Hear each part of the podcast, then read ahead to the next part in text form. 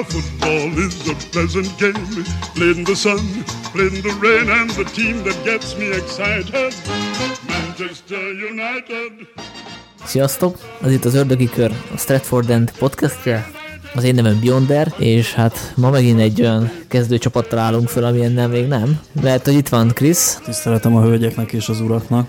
Kovács Tomi, Hello, sziasztok! és ö, Strigó nincs velünk személyesen, de amúgy itt van, mert hogy Aténból bejelentkezik. Szevasz! Sziasztok! Mindjárt vége az évnek, úgyhogy ez a podcast nyilván a utolsó lesz idén. Másrészt meg hát akkor összegezhetjük az évet, de szerintem van is mit megbeszélni. Ez egész érdekes érzelmi hullámvasut vasutazásra ültek fel a szurkolók. Ugye elég masszív voleout hangulat volt, aztán nyertünk két rangadót, utána egy uh, X az Evertonen, ami szerintem némiképp csalódást okozott, és ugye hát most jön még csak a nagy karácsonyi hajtás, úgyhogy szerintem összegzős, előretekintős adás lesz. Na most a tegnapi meccs uh, ugye az érdekes abból a szempontból, hogy uh, azt hiszem négyünk közül ketten láttuk, ugye? Ha jól nem. Tegnapi Ö, meccs, azt mondjuk a szerdai meccs mondjuk inkább úgy, szerintem. A Liga Kupa. Egyébként én is ma néztem meg, mert ugye a meccs idején a legújabb Star Wars-t néztem, és azt a traumát majd egy másik podcastben fogom földolgozni, de azért megnéztem most a felvételről a meccset. Nyilván most nem fogjuk kielemezni. Megérte amúgy? Ö, Szerintem meg, mert jól játszottunk, de hát érted, most egy másod, vagy harmad osztály Negyed csapat? Másod. Negyed, ú, basszus, hát akkor érted, most sok sportértéke nincsen, viszont a, Az, a, a, mondjuk legalább tudunk jól játszani. Hát az érdekesség talán a kezdő Igen, és 11, hogy elég nagy kirakatot rendeztünk oda. Igen, tehát hogy ennek, ennek, ennek mi értelme? Tehát, hogy ti láttok ebbe rációt, hogy miért kell kitenni a Brét az asztalra egy negyed osztályú csapattal szemben? Azért, mert Krisznek volt egy ilyen bold jóslata, hogy nyolcat lövünk egy meccsen a, szez- a szezonban, szerintem erre akart rámenni Szulsár, hogy valami gólparádét rendezzünk Márciállal, Rashforddal, de hát szerintem örüljük, hogy megúsztuk sérülés nélkül, sőt állítólag Tuanzebe mondjuk, aki amúgy is játszott volna, ha B csapat játszik, ő állítólag össze is szedett egy kisebb sérülést, nem értem ezt, de már igazából a, a Rochdale elleni viszonylag erősebb kezdőt sem értettem. Az ott nem ment annyira folyékonyan ott a Rózsdél ellen, úgyhogy szerintem itt volt egy kis félelem, hogy azért szeretnénk menetelni egy kicsit a Liga kupában, meg még lehetőséget adni később a fiataloknak, aztán így a Rózsdél ellen a büntetők. Hát nem tudtuk ugye, hogy a sorsolás végén mi lesz. Hát ezzel számíthattunk rá. Szerintem itt egy ilyen pszichológiai dolog is van, hogy a Szúsjárnak szerintem, meg az egész keretnek fontos, hogy nyerjenek valamit. Tehát, hogyha adott, ne adj Isten, nem jön össze az Európa Liga győzelem, ami sok esélyes dolog, meg az FA kupa se, meg a top 4 se, akkor legalább legyen egy, egy valami, amit nyer ez a fiatal csapat. Tehát egy ilyen sikerélményre szükség van. Lehet, hogy nekünk ez így nem fontos, mint szurkolóknak, mert érted, kit érdekel egy ligakupa, de ezeknek a fiatal srácoknak azért nagy sikerélményt adna, hogy, hogy, hogy nyernek valamit, bármit. Ehhez képest volt két fiatal srác a kezdőbe, Toanzebe meg Greenwood. Na de a többiek se öregek azért, a nem Rashfordtól kezdve Hát a... de ők, érted, tehát ők például már nyertek Liga kupát. Tehát nekik nem ez, ez a Liga kupa győzelem indítaná be a, a trófeáknak a tömkelegét. Én nem értem, szerintem felesleges volt, és az első fél időben igazából látszott is, hogy nem voltak túl motiváltak a sztárjátékosaink a lehetőségtől, hogy a Colchester ellen játszhatnak. Nem a motiváció volt a probléma, hanem egyszerűen beásták magukat sündisznő állásba, és továbbra se tudjuk, hogy Most mit kell csinálni. Colchester hol legyen motivált, mondjuk egy Mata vagy egy Matics, akik így teljesen Mata vagy Matic például pont, pont, hogy motiváltnak tűntek, és elég sokat mozogtak. Szerintem ők jól játszottak. Én pont itt Márciára, Rashfordra, akik úgy próbáltak trükközgetni, néha túl is pilázták a dolgot, meg hát Rashford az első öt percben kapott egy ilyen négy rugást körülbelül, de én nem, mindegy, nyertünk, e- három nóra, nem sérült meg senki, örüljünk neki, várjuk a két meccses elődöntőt. Ti egyébként emlékeztek, hogy a Sir Alex idején a Liga kupákban mennyire álltunk ki C csapattal, mert nekem is így nem emlék. nagyon, Nagyon, nagyon, hát nagyon. én ez annyit tudnék hozzátenni, hogy ugye Fergi alatt általában az volt a koncepció, hogy a Liga kupában, hogy mindig volt nála egy olyan három-négy stabil fiatal srác, akit mindig bedobott a kezdőbe, többnyire egy kapussal megtoldva, tehát így vagy Benémos, Kuszcsák is néha oda beugrott, és ugye ők állandóan kapták a lehetőségeket, és többi hely meg fel volt töltve a tapasztaltabb játékosokkal, aztán amikor jött a, ha eljutottunk odáig, és jött az elődöntő, akkor oda azért már felraktuk a gála kezdőt, meg pláne a döntőbe is. Ugye úgy nézett ki, hogy 2011-ben például az ilyen visszatérő alakok voltak ilyen Benémos, Zeki Friars, Pogba is így kezdte egyébként Diuffal együtt, és Egy évvel korábban ugyanez a visszatérő hármas vagy négyes volt Gibson, Obertán, Makeda meg BB. West Ham Aztán ugye... négyes. Úgy estünk ki a Liga kupából, nem? Talán ott, ott, ott lépett pályára Pogba is, nem? Hát ezt, ezt már fejből meg nem mondom. Azért ilyen Liga kupa meneteléseknek így a pontos eredményei nincsenek meg fejből. Én emlékszem kiesésekre mm, otthon Coventry ellen, meg, meg hogy hívták a máltai gólvágót, Mifsud kettőt vágott. Mifsud, azaz, azaz. Úgyhogy azért... Két hatalmas gólt lőttem, rá emlékszem én is. Régebben, hogy is mondjam, nem, ritka volt, hogy eljutottunk az elődöntőig, mert általában ugye a fiatalok játszottak, és... Hát de úgy is nyertünk azért két ligakupát egymás után, hogy pont, hogy ezek a három-négy stabil fiatalok játszottak egy folytában, aztán amikor, mondom, amikor jött az elődöntő, akkor már, akkor már jött a gála kezdő. Ronaldók is, meg Rúnik, mindenki játszott ott Gixel együtt, Skolszal együtt, Kerikkel együtt, a Liga Kupa elődöntőket, meg döntőket, tehát azért a fiatalokra nem feltétlen bízta rá az ilyen későbbi szakaszban a meccseket, de a harmadik körtől úgy az elődöntőig gond nélkül. Na most ugye City lesz, az utolsó két kiírást ők nyerték. Nem tudom, hogy itt mennyire kéne erre rámenni. Én továbbra is ilyen maximum vegyes csapatot szerepeltetnék, de... Néztétek, hogy milyen meccsek lesznek előtte utána? Mert ugye az sem mindegy. Hát FA Kupa meccs lesz előtte előtte, jól tudom, a január első hétvégéjén. Utána meg Chelsea meccs talán. Hanyadikán lesz az a most ugye az a furcsa, hogy még nem tudni pontosan, mert most a Premier League bevezet egy ilyen két hetes szünetet, hogy egyik héten tíz csapat pihen, másik héten másik tíz csapat pihen. Hát az biztos, hogy játszunk ugye elsőjén az Arzenállal, aztán negyedikén a Wolves-zal. Az az FA kupa, igen. És utána elvileg hetedikén, hetedikén játszanánk a City-vel. Megnéztem itt utána Norwich, Liverpool, Burnley a három ö, következő három bajnoki, majd még egy FA kupa meccs, és utána a visszavágója a, a City meccsnek. Hát igazából egy hazai pályán a Norwichot meg kéne ütni, szóval... Ezt már sok mindenre mondtuk egyébként, hogy hazai pályán meg kéne venni, tehát hogy... Hát hazai pályán nem volt annyira szarok, tehát oké, okay, hát most az Evertonos nem nézett ki jól, Hát vagy a Crystal Palace ellen sem nézett ki, vagy a nem tudom, mi, mi volt még, ami x vagy, vagy döntetleneztünk vele. A Liverpool elleni az jól nézett ki, csak hát nem bírtuk ki a végén. Hát az jól nézett ki, csak azt nem bírtuk ki. Én azt gondolom egyébként, hogy vegyes csapattal kéne dolgozni a jövőben is, és aztán, hogyha esetleg az első meccsen tudunk valami értelmes eredményt kihozni, akkor a második meccsen meg lehet próbálni megnyerni ezt a párharcot, és akkor utána ugye már a döntőben lennénk, az meg tök jó lenne. De, de addig is szerintem elsősorban a, a Premier League-re kéne fókuszáljunk, hogy a top 4 meg legyen az év végén, és, és hogyha ehhez most azt kell, hogy beáldozzunk esetleg két ilyen meccset, akkor, akkor áldozzuk be, mert szerintem a kupában nem vagyunk nagyon előrébb. Értem, hogy a szurkolóknak ez tök jó, hogy megnyerjük, meg kellene egy sikerélmény, de én azt gondolom, hogy szerintem bőven ennek az egész projektnek időt kell adni, de az csak a saját véleményem. Tehát, hogy én azt gondolom, hogy nyilván nem fogjuk beáldozni, de, de azt mondom, hogy ha mondjuk a Premier League-ben most hozunk meccseket, és ott leszünk mondjuk azon a helyen, ahol szeretnénk, és, és közel leszünk a top 4 akkor én azt mondom, hogy inkább áldozzunk be egy ilyen városi derbi oda-vissza meccset, és, és inkább koncentráljunk a Premier League-re, és próbálkozzunk aznak, hogy tényleg jövőre megint BL-be leessünk, és stb.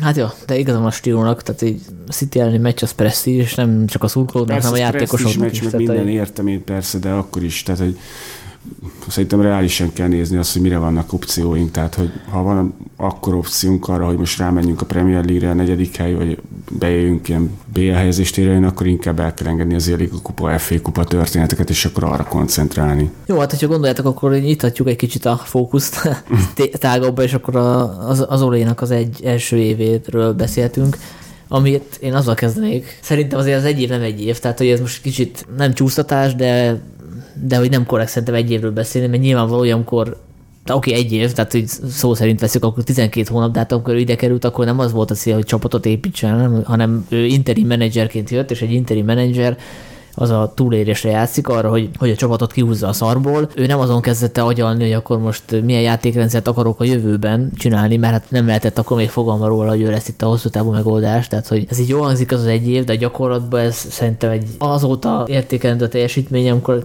kiderült, hogy ő lesz az állandó edzőnk. Mert szerintem ugye, egyébként a a szó... Hát mert például januári transfer window tavaly az nem volt meg neki, Na jó, mert föl sem verült, hogy igazoljon. Mikor nevezték ki pontosan?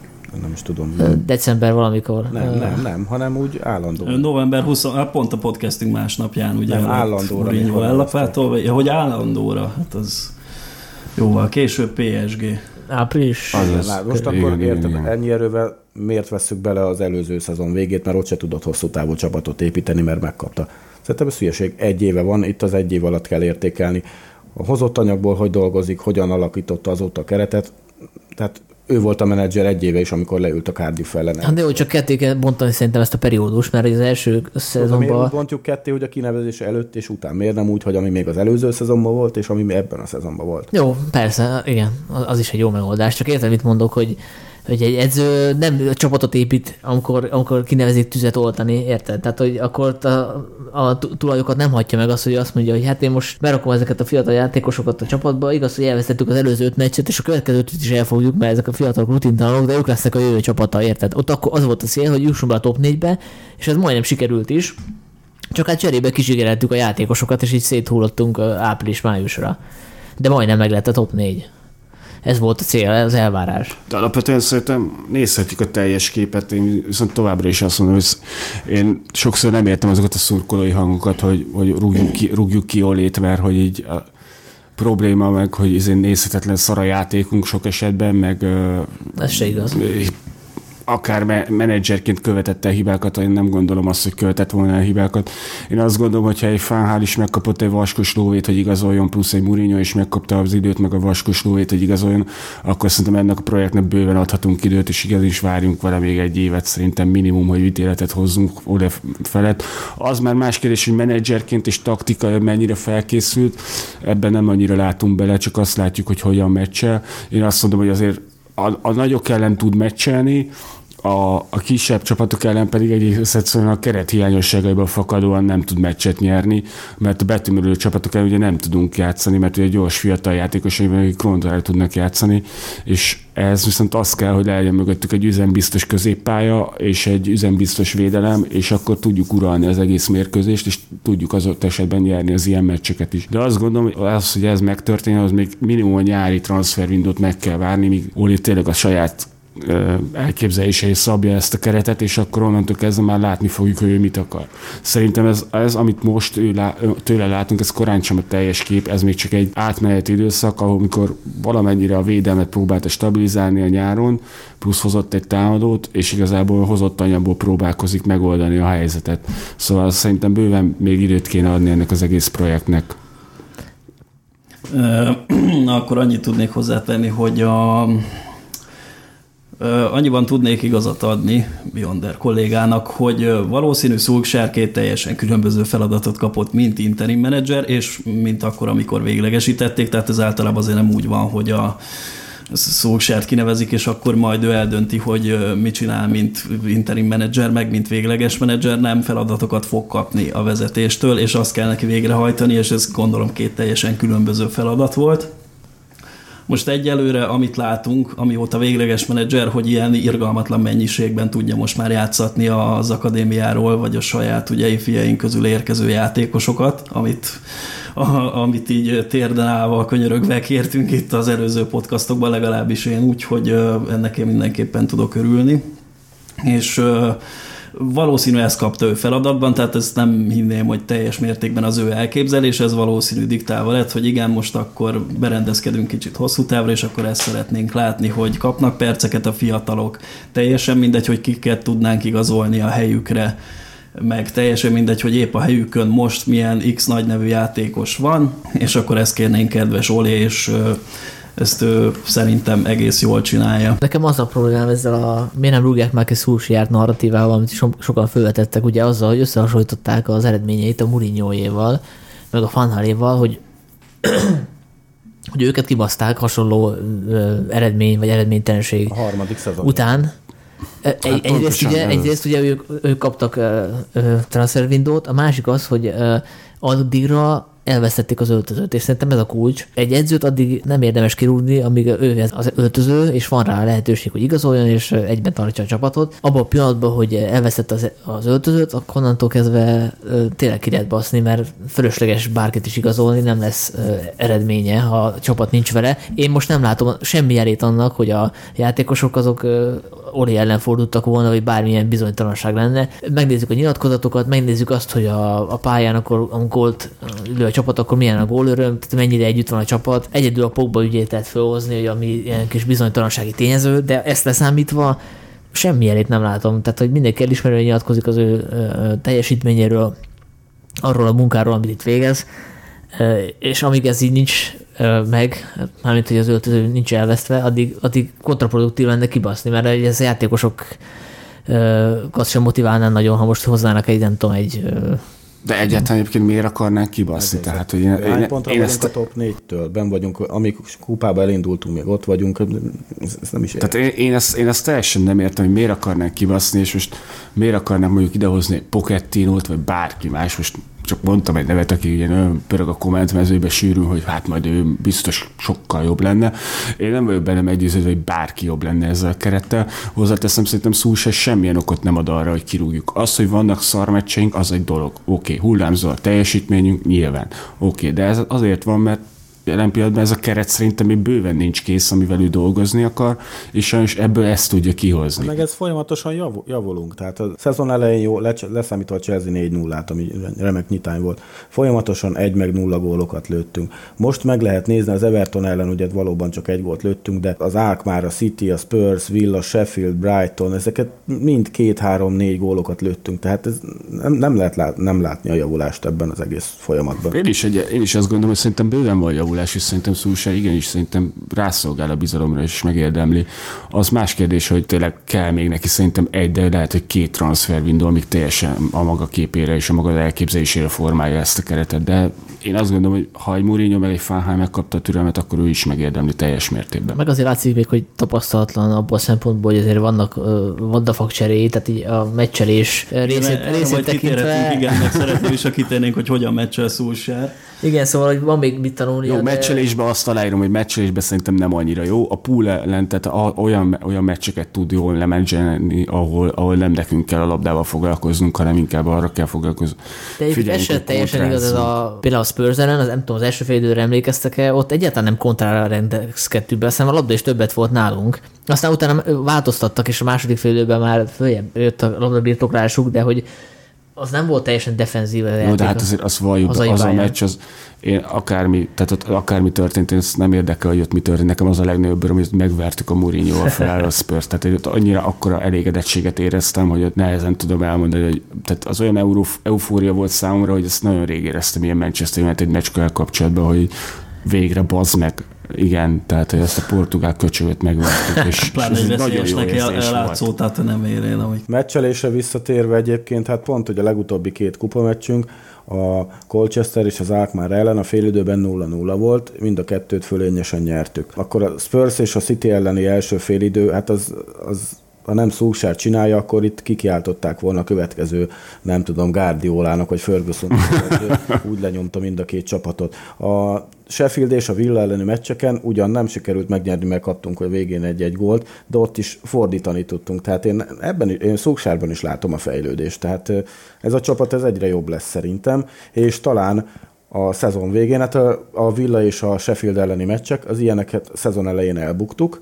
Most a szezon közepén mondjuk most, most X, ha ezeket a végén megnyerjük, akkor szerintem a top 4 az meg lehet. Csak annyit tennék hozzá zárójelbe, hogy a kommentelő lélektan meg olyan, hogyha van egy meccs, ahol a meccs összkép alapján igazából győzelmet érdemlünk, de a végén kapunk egy béna gólt, és, és akkor minden szar. Persze. Ha meg megverjük a Spurs meg a city hasonló játékkal, akkor meg, akkor meg ott a fény az alagút végén, ott igazából se az egyik, se a másik esetben nincs szükség arra, hogy most nem tudom, öngyilkos gondolataink legyenek, vagy, vagy eufória legyen, mert hogy mind a kettő egy építkezés. Én azt pont nem láttam, mert éppen a, én egy borbárban részegettem le éppen elképesztő módon, de, de valami elképesztő volt. Tehát hogy pont egy telefonomon jött az alkalmazását az eredmény, és így nem hittem el. Tehát, hogy örömömben megittem még egy üvegvörösbort az előző kettő mellé, tehát, hogy így hazafelé hazafe, meg a barátnőm ráncigált, és közben azt ordiváltam a Király utcába, hogy Manchester is red, Manchester is red, tehát, hogy az meg a másik fel. De, de egyébként igen, én is azt gondolom, hogy, hogy a fejlődés tényleg látszik, és hogyha, ha ez így marad, akkor, akkor tényleg a szezon végére már valószínűleg be fogjuk tudni az húzni az olyan, ez a, most ez a legelbaszottabb magyar szó, nyögvenyelős meccseket, amiket, amiket most így, így a szezon elején nem, de, de azt gondolom, hogy szerintem ez menni fog. Én, én azt gondolom, hogy szerintem meg lehet a top 4 reálisan, én úgy érzem. Azt most tényleg látjuk, hogy uh, Szulksár, uh, hogy mondjam, én azt láttam a szezon elején, hogy így eredményt tartani nem nagyon tudunk, tehát hogyha a végén az ellenfél kerget egy ilyen egy gólos hátrányt, akkor abból szinte garantált, hogy egyenlítenek, vagy éppen akár vezetést is szereznek. Most ebben tényleg látjuk a javulást, de hát ez csak az elmúlt mennyi egy-másfél hónap, ezt nem számoltam így meg.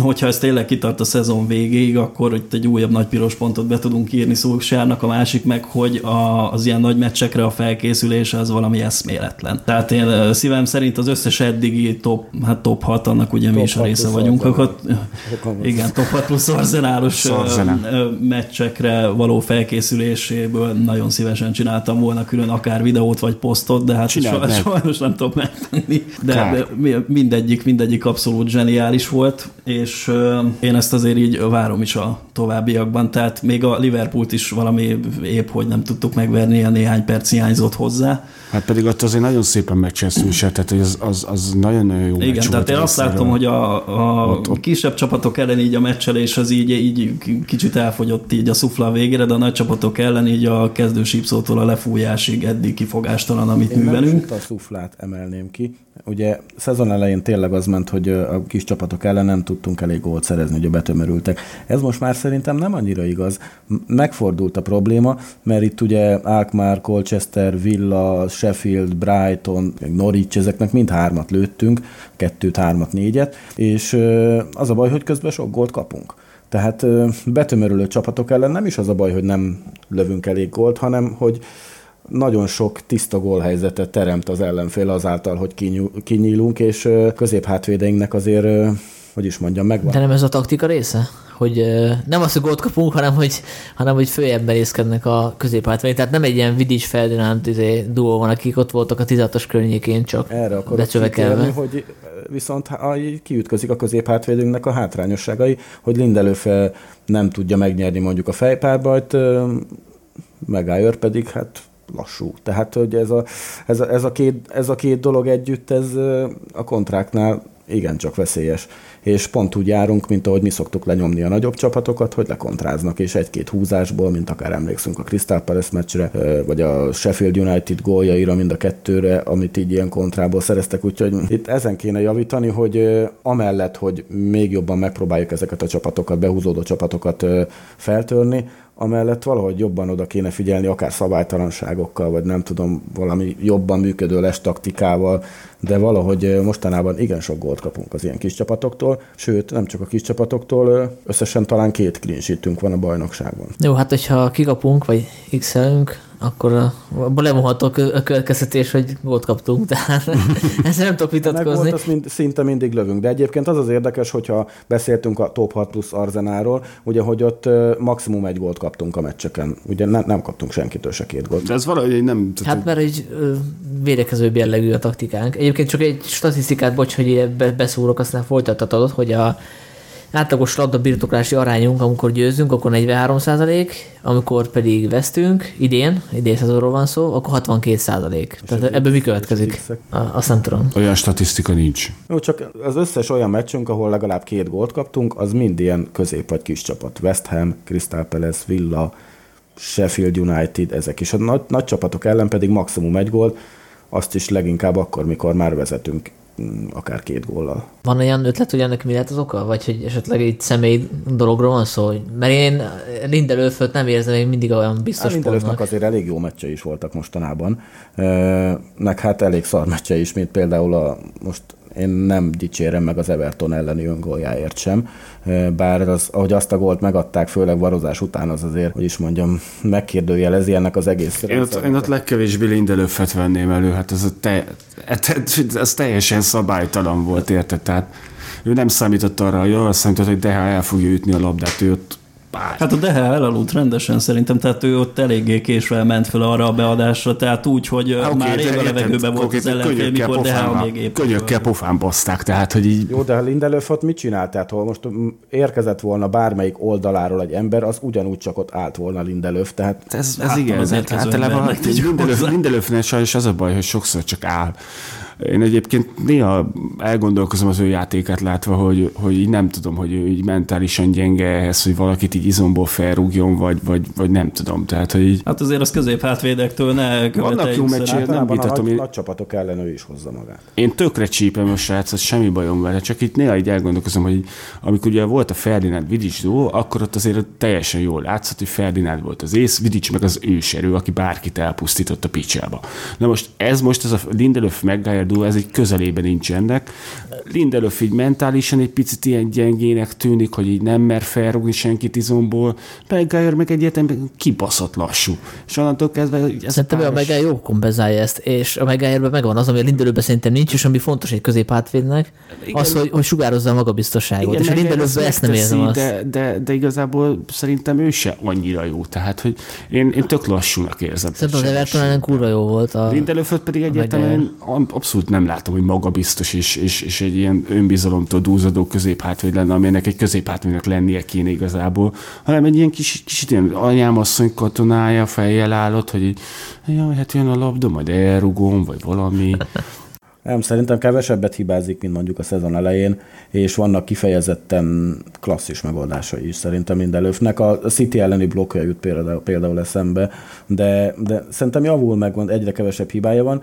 Itt az a gond, hogy az ellenfelek sokszor játszanak arra, hogy, hogy az ilyen calvert meg, meg Joel Linton, meg az ilyen nagy lóbaszó csatárokat egyértelműen Lindelöf felé orientálják, hogy akkor ott nyerje a, pár, a párharcokat és ezt nem tudom, hogy hogy lehetne kivédeni. Hát szerintem egyszerűen az, Ja, szerintem érdemes lenne egyébként nézni majd, vagy hát majd nekem igen, majd ezt megpróbálok utána nézni, hogy a, az ellenfelek általában a védelmünk melyik oldalán vezetik az akciókat, és akkor és simán lehet, hogy van egy ilyen eltolódás így a Lindelöf oldala felé.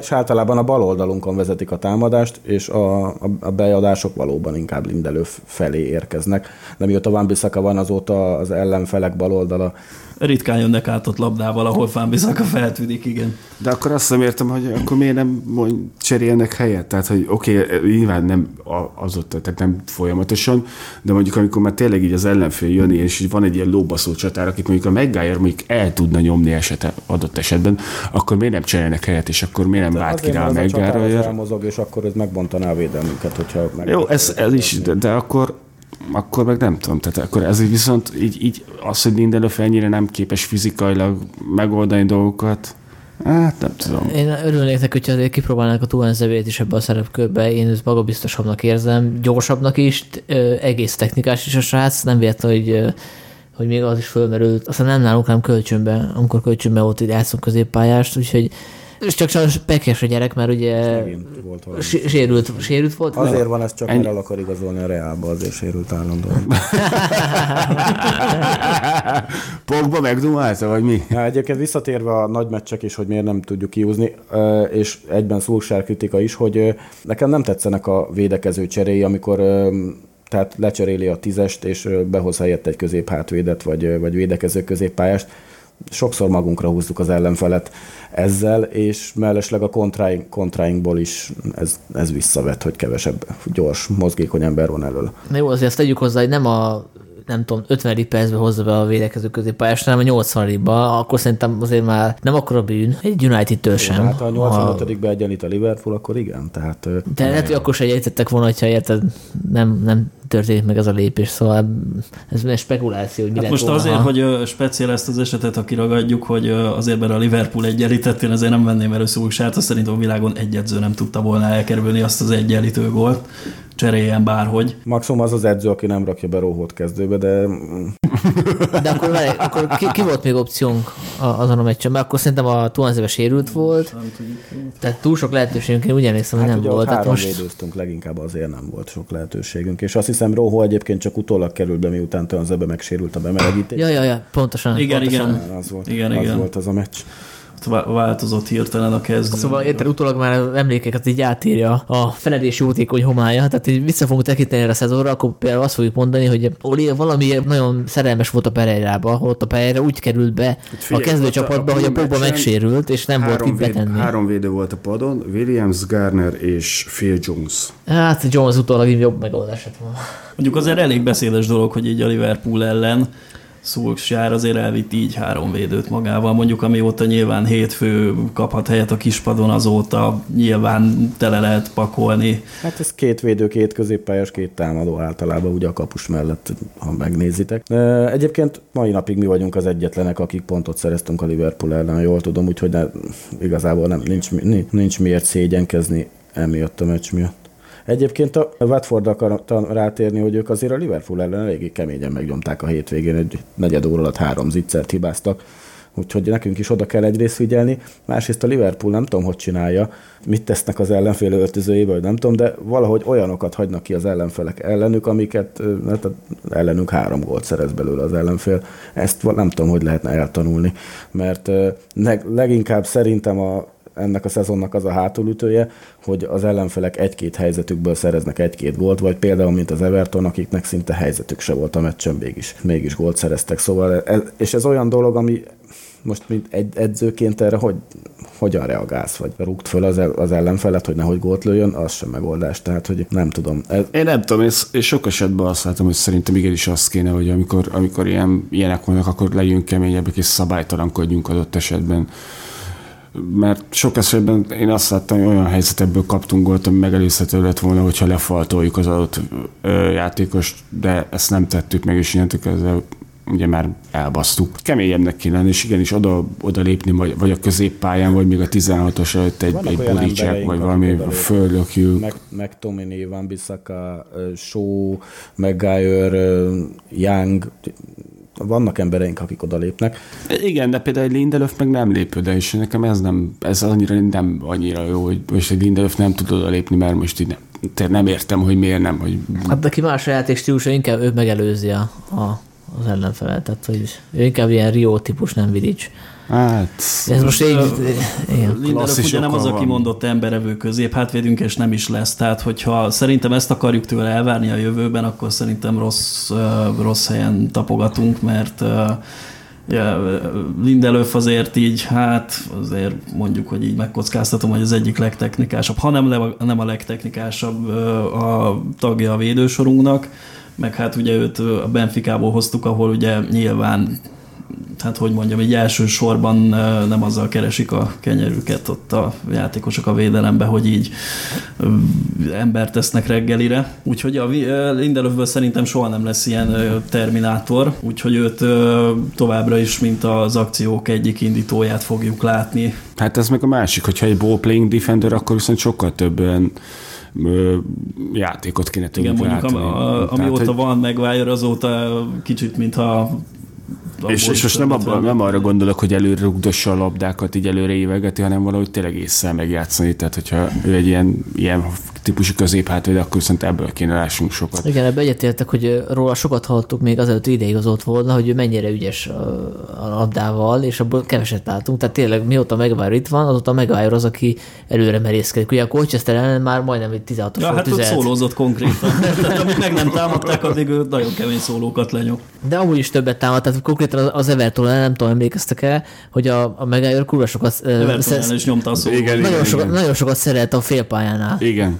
Hát ez azt, igen, hát ő, ebbe a párosba ő kéne a stopper legyen, aki ugye az ellenfél egyszem csatárát élni nem hagyja, tehát hogy nehogy, nehogy a labdához jusson. Pontosan erre gondoltam, amikor mondtam azt, hogy akkor neki Lindelöf. Én nem látom egyébként értelmét a két ball playing defenderünknek, úgyhogy igazából nem is tudom, hogy adtak-e már gólpaszt, vagy... Hát Lindelöf, mint Lindelöf. Nem feltétlen ez a lényeg, hogy gólpaszt adjanak igazából, tehát annyi legyen, hogy ne, ne, csak, az az, ne csak az az egyetlen esélyünk legyen a labda megjátszására, hogy előre vágjuk a francba, hogyha ránk támad az ellenfél a saját térfelünkön, hanem van ball playing defender, ő meg majd megoldja kis testcsel, kis helyezkedés, átfordul egyik oldalról a másikra, és utána leosztja. Azt hiszem, hogy Lindelöf adott volna egy gólpaszt Rashfordnak. 0,7 kípaszt megálljon a meccsenként, és 0,2 Lindelöftől. ami... Na hát ez egy ballplaying defender hogy maradjunk annyiban, hogy egy ilyen játszani képes és állítólag játszani tudó középhátvétel ez a 0,2 key meccsenként, ez lófasz. És akkor most finoman fogalmaztam még így is. csak a PL-ben van, úgyhogy lehet, hogy a, E, Jó, hát nem is. Colchester ellen lehet, hogy volt kettő jó passza még. hát ő nem játszott a. Colchester ellen. Ja, hát akkor nem. Akkor én még Akkor csak rontotta a statisztikát. Én akkor is tovább vitatkoznék, nem nagyon engedem ezt a szállat nyugodni, úgyhogy ö, továbbra is azt mondanám, hogy Lindelöfnek azért tényleg nem az a szerepe, hogy gólpasszokat osztogasson meg, hogy izé olyan passzokkal tömi a támadókat, amiket ö, aztán Na de várjál, akkor most tudnak vinni. Neki tényleg szerintem csak az lenne a szerepe, hogy uh, nyomás alól is meg tudjuk játszani a labdát úgy, hogy ne kelljen előre vágni céltalanul, és legyen egy ilyen, nyugodtan vissza lehessen fordulni hozzá a labdával akkor, hogyha középpályán megdöglik egy akció, és így tovább. Vicceset fogok mondani, de a legjobban passzoló emberünk közép hátvédünk évek óta, aki soha nem veszíti el a labdát, az Jones. Minden évben 90 vagy 92 százalék ilyesmi. Jones sem ad ki tehát most, mm, De, de várjál, most akkor Lindelöf kapcsán eljutottunk oda, hogy igazából nem egy emberevő állat, és nem is egy uh, ball-playing defender, akkor tulajdonképpen ő mi? Szexszimbólum. Mármint a csaj az tök jól néz ki, én is követem az Instagramon, meg minden, de, de hogyha nem egy ball-playing defender és nem egy terminátor, akkor, úgy, akkor ő neki a szerepek konkrétan mi? Hát Tehát, ő, ő a press resistance, nem tudom, tovább Tehát, abban de ez egy nagyon jó. hogy valóban sokszor megjátszható, tehát elmozog olyan helyekre, ahova mondjuk nem tudom, egy másik, egy nem ilyen képzett középhátvéd nem mozogna el. Kérdés, hogy ezzel mit nyerünk, mert ugye itt volt róla szó, hogy a, azok ellen a csapatok ellen, akik behúzódnak a saját térfére, mit tudunk csinálni. Igazából Lindelöf ellenük ezt, ezt az oldalát nem is igazán tudja Hát megmutatni. majd jön meg vágyra szólózik. Hát. Igen. Miatt még elvesznénk a részletekbe, én még pillanatra visszatérnék az Olének a éves mérlegéhez, és megemlíteném, hogy itt azért egy durva kettős mérce van, mert hogy például a City meccs után az egyik jeles magyar sport szakértő elemezte a meccset, és Melyik kiderítette, volt az? hagyjuk, és kiderítette, hogy a City játék az azért olyan, a vé- védelme azért olyan, amilyen, mert hogy kiestek kulcsjátékosok, és hogy hát őket nehéz pótolni, mert hogy a Guardiola gépezet az ilyen tűpontos szerkezet, és kiveszünk belőle egy darabot, akkor már nem ugyanolyan jó, amire azt mondom, hogy oké, okay, lehet, hogy így van, de hogy akkor miért nem említjük meg, hogy a United esetében, hogy távozott egy Herrera, aki abszolút alapember volt, és hogy a Pogba három hónapja nem elérhető, Ráadásul a McTominay, aki kulcsjátékossá játszotta magát be a csapatba, szóval hogy ő sem volt elérhető pár meccsig, és abszolút szarok voltunk, tehát hogy ez nem mentő körülmény. Hogy a fenében van az, hogy a Pogba a világ egyik legjobb játékosa? nem mentő Ennek a hiánya az, az lábjegyzet csak. Azért nem mentő körülmény, és egyébként most egy nagyon minimális kikacsintást akkor teszek. Szerintem uh, Guardiolanak tipikusan ez az a szezonja, ami összeomlik, ami általában be szokott következni, mint ami volt a Barszán és a Bayern, és hogy nem nyer Hát azért semmit. a, bárcsak ilyen összeomlás lenne nálunk is, mint a Barszánál. És, volt? Tehát azért, azért, és azért uh, szerintem ez lesz neki ez a szezon, én úgy érzem, hogy ez lesz az összeomló szezonja a City padján. Visszatérve azért, hogy lábjegyzet, mert ugye azért most jelen pillanatban azért gondoljuk végig azt, hogy egy magyar sportújságíró azért valószínűleg az elmúlt x év során a Manchester City nevet többször írta le, mint a Manchester United-et. Nagyobb hype van körülöttük, sokkal több embert érdekel, azért mi ugye Kevesebb karakter. kevesebb karakter, így van. Azért most csúnya szót fogok mondani, de azért mi döglődünk évek óta erősen, ők meg azért nyertek ezt, azt, amazt, és nyilván nagyobb a, a, az érdeklődés is iránta, és nyilván persze igazán karaktervadászat, hogy most azért, mert a Cityből hiányzott az X meg az Y játékos, az, az nagyobb hír, hír, mint hogy nálunk nem volt Pogba. Én nem tudom, hogy mert Sanyi melyik cikkről beszél, mert én sem olvasom a sportsajtót, Figyelj, beszéltünk a, csak a kommentelőinkről is basszus, hát ott, ott sem merül föl mentő körülményként, hogy nincs a Pogba. De az már azért nem merül fel mentőkörülmény, mert Pogba már hónapok óta nincs, tehát hogy mert van szerintem ember a földön, aki azt is elfelejtette, hogy valaha játszott a Manchester Unitedben, mert annyira nem tudjuk a, már, hogy hol, eddig a szezonban hol van, egy mit nagy csinál. fordulópont szerintem, amikor Marcial visszatért. Akkor eléggé megváltozott a játékunk. Akkor ugye, akkor talán a Partizán ellen tért vissza, ott volt utána a Norwich meccs, meg úgy általában azóta lövünk több gólt, mióta Marcial visszatért. Szerintem, hogyha Pogba visszatér, akkor ez még egy nagy erősítés, hogy Fred Pereira középpályát végre elfelejtjük, és akkor jön a Pogba meg. Hey, Fred, Fred, ne bántsuk. Én azért feltenném azt a nagyon nagy kérdést, és ezt most így inkább a kommentelőkre bíznám, hogy döntsék el, és ez tényleg feléjük egy kérdés. Kell nekünk Paul Pogba? És erre most úgy, úgy gondolok, hogy tudván azt, hogy milyen képességű futbolista, tudván azt, hogy láttuk, hogy mire képes a Juventusba, és tudván azt, hogy a jó szöveg azért én a magam részéről nem vagyok százszerzalékig meggyőződve, hogy ő szeretne nálunk futballozni, de ezt csak ő tudhatja, mert ugye ennek semmilyen jelét és információt nem adja már nagyon régóta. kell -e nekünk egyáltalán? Tehát, hogy kicsit úgy gondolok, hogy szerintem van élet nélküle, mert látjuk, hogy van élet. Lehet, hogy vele sokkal jobbak lennénk, lehet, mert elképzelhető. Nem, biztos. De, de én, én, amióta hozzánk igazolt, én nem vagyok meggyőződve arról, hogy nekünk olyan hú, de kurva lesz szükségünk van rá, mert nem láttam tőle még annyira világklasszis teljesítményt, amire ő egyébként igazából képes lenne, mert a képességei adottak rá. Jó, hát egyszer egy... a City ellen. Az a City ellen, az, az, az, igen, az, az hogy meg, megnyerte azt a meccset, az, az kurva jó volt, de én azt gondolom, hogy szerintem bőven meg lennénk Pobba nélkül is.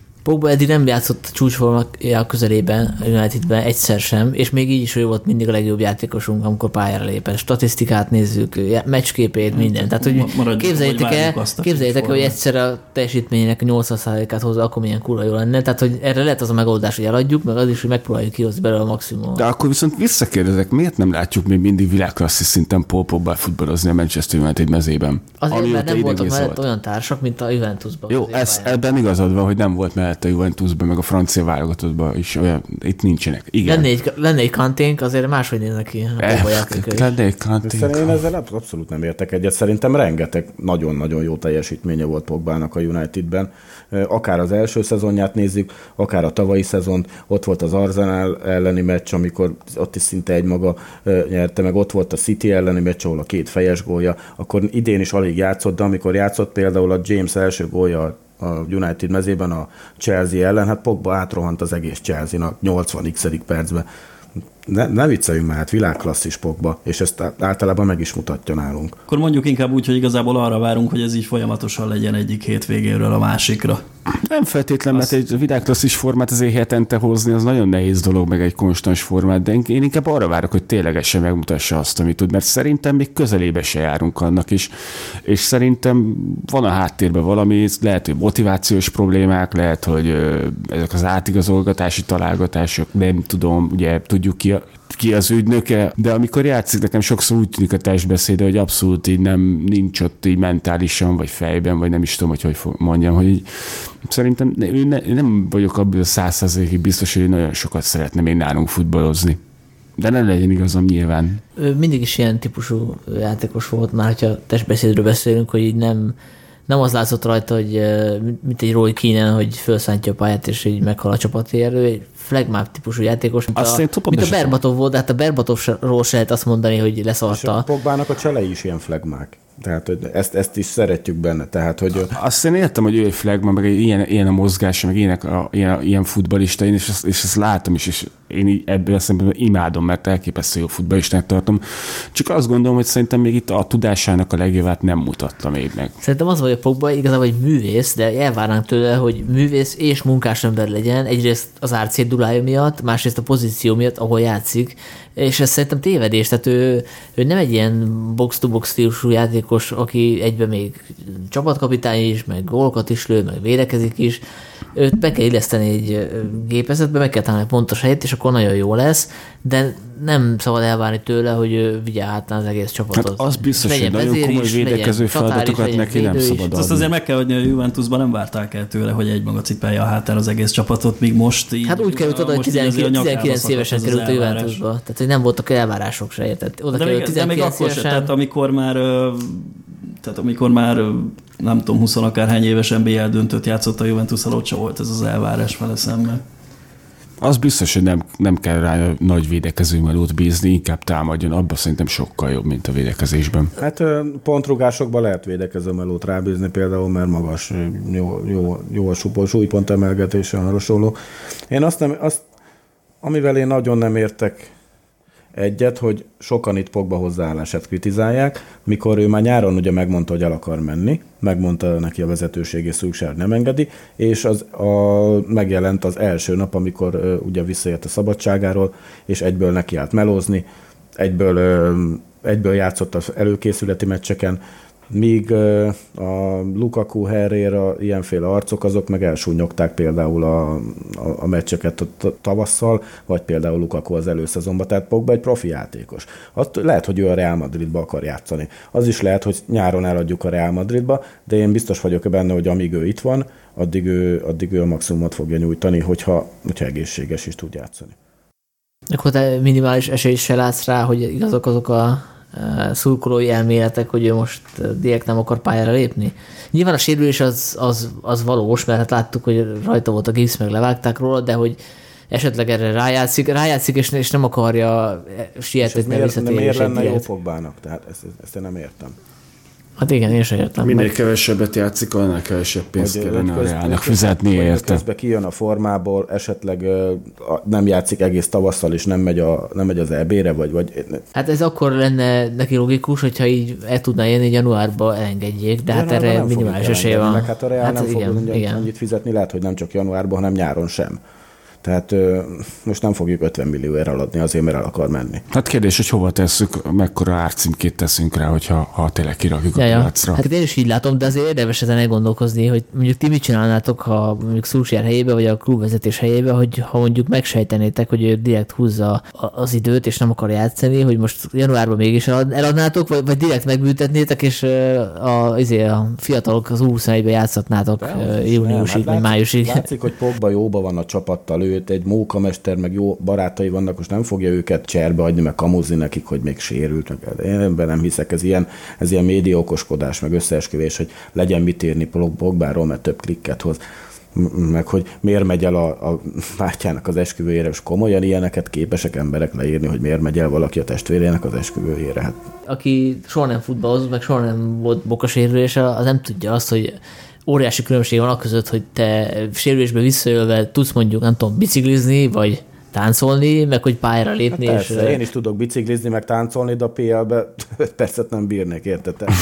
Ez, ez teljesen más dolog, ez, nem is értem. Visszatérve Sanyi kérdésre, mit csinálnénk, mit csinálnénk a vezetőség helyébe, hogyha megsejtem, hogy Póba most azért mondjuk itt színleli ezt az egészet, mert ő le akar lépni. Én ebből a szempontból én kurvára régi módi vagyok, tehát én azt gondolom, hogy valaki akkor döntse, hogy akar a Manchester United-be vagy játszani, vagy nem. Ha nem, akkor mondja meg, hogy nem, és akkor viszont hallásra. Ha igen, akkor meg dögölj meg a pályán. Na, hát ha már fölmerültek a januári igazolások, akkor a kötelező kérdés, ugye, ami minden podcastbe előkerül, igazolnátok-e, kit igazolnátok, kell-e upgrade januárba? Én igazolnék egy középpályást. Azt mindenképp, de hogy kit, azt nem tudom. Ugye mai hír, hogy az Aston Villa lehet, hogy kénytelen eladni egy-két játékosát a Financial Fair Play miatt. Úgyhogy onnan lehet, Tetszik, hogy ezt a szankciót az Aston Villával szemben Az nekem is. És még méretterül sem. Azt, hogy nem értem, hogy ez hogy sikerült nekik megugrani, de egy kíváncsi lennék a részletekre. Van egy ilyen szabály, hogy mennyivel emelkedhet a, a, a játékosok bére, és ezt lehet azt hiszem csökkenteni adásokba, de hát a Villa elköltött még egy 100 millió fontot is. De hát ennyit kapnak a PL-ből a tévés meccsek alapján. Ez ugye, ez ugye egy ilyen tipikus gemből egy ilyen hazardírozás, hogy ha úgy járnak, mint a Fulham, akik szintén elköltöttek százat és kiesnek a csampóba, akkor ott... az miért szép volt, az tényleg nagyon komoly kerettem az valóban meg. ott a klubnak az összeomlását okozhatja. Szóval ki, kit hoznátok onnan? Grélist vagy a megint? Én egyiket sem tudom, hogy megy. Tetszik a kérdés feltevés, hogy a kettő közül Hát oké, okay, akkor, akkor ki, ki, ki van még? Én, én, én szinte ezek egyiket sem láttam még annyira. Az, azt a Grélisre emlékszem, az rugott előnünk egy gólt, aztán ilyen undorító módon ünnepelte magát. Én nem tudom, én ezeket nem láttam futballozni, én nem hiszem, hogy nekünk ja, egy... A megidőre annyit mondok, hogy azt a Sir Alex javasolt az Olének, hogy igazolja. Jó, hát a Sir Alex javasolta a Moist is. most bocs, nem, nem, tehát most nem a Ferginek a képességeit, meg a látnoki képességeit akarom lepocskondíjázni, vagy bármi, mert istenként tisztelem az ember, csak hát na, azért lehet ő, ő is tévedhet. Elhiszem, tehát én nem tudom, én nem vagyok benne biztos, hogy nekünk az Aston Villából kell igazolni. Persze, nyilván, hogyha ez a Meggin vagy ez a grill is annyira hú, de kurva jó, akkor nyilván persze vegyük meg, de, de én azt gondolom, hogy másfelé kéne keresgélnünk. Az, hogy kit, én azt mondom, én a középpályára szeretnék egy embert mindenképpen, mert őszintén szóval a vernyomásom fel, mert mikor meglátom a Pereira Fred középpályát kezdőbe, Maticsról meg már tudjuk, hogy kb. idősebb, mint a nagyanyám, és kb. olyan lassú is, úgyhogy oda mindenképpen kéne egy ember. Az, hogy ki, Eriksen? nem tudom. Eriksen, az a bajom, hogy szerintem nekünk inkább egy védekező ember kéne a középpályára, aki Hát ő inkább Eriksennek nekem az, az ugrik be, hogy ő egy az egy olyan lenne, mint Mata, szerintem. Meg Eriksen szerintem kurva jó játékos, de szerintem ő elmegy a Reálba télen. Csak... Csak, azért bírna 90 percet. Hát Mata már nem nagyon bír. Meg jobban védekezik, mint a Mata. 90 Percet, Mata. Kétszer is azt hiszem, mert a, talán az Hát de olyan is volt, basszus, hát most Hát térjük az a ellenfeleket ne felejtsük a el. Colchester United ellen. Jó, a hát azért az Alkmaar meg a Colchester valószínűleg nem futotta szét Motát így kétszer 90 perc alatt, úgyhogy Ezt akartam épp mondani, hogy még a Colchester ellen is a a támadó harmadban volt az utolsó negyed órában öt olyan passza, ami mind ellenfélhez megy- ment. Tehát ki kellett, ki kellett volna ugratni egy játékost, és nem tudta ezt a nehéz faltot megoldani. Tehát, hogy érted? Egy Colchester ellen se. Szóval én azt gondolom, hogy mindenképpen egy középpályás kell igazoljunk. Én őszintén szóval nem vagyok, nem ülök fel erre a Sancho vonatra, meg erre a Haaland vonatra sem. Szerint, de hát most csak úgy, az ugye ezek a legjobban bedobált nevek, hogy akiket a télen mi akarunk szerezni, vagy így hosszú távon hát meg akarunk, szerintem nem. télen, de vissza fogjuk. Azt visszaadjuk, igen, tudom. De mondom, én továbbra is egy, egy olyan középpálya, egy ilyen tényleg egy klasszikus, Jó, melós, Lacikára, vagy. Nem, nem, nem, nem, nem rá, tehát azért más kategória, de, de tényleg egy ilyen klasszikus, melós, rakkolós, emberevő gyerek kéne oda, aki, aki mellett így a, a felépülő pokba ki tud teljesedni és tündökölni, és akkor szerintem fasza lenne. középpályásra vágyom, és az akár a Pogba eligazolása utáni időszaknak is lehetne egy... Az már szerintem egy teljesen más stáció meg, Nem, olyan, és, olyat és kell, történet. Aki, aki ennél többet tud. Nekem van két olyan játékos, akit nagyon szívesen látnék United mezben, valószínűleg egyiket se fogjuk. Az egyik a, az egyik a Bayernes Tiago, a másik pedig a, az Atletikóból a, a Saul. Tiagot ugye a Moyes megpróbálta ide csepíteni, csak hát nem sikerült.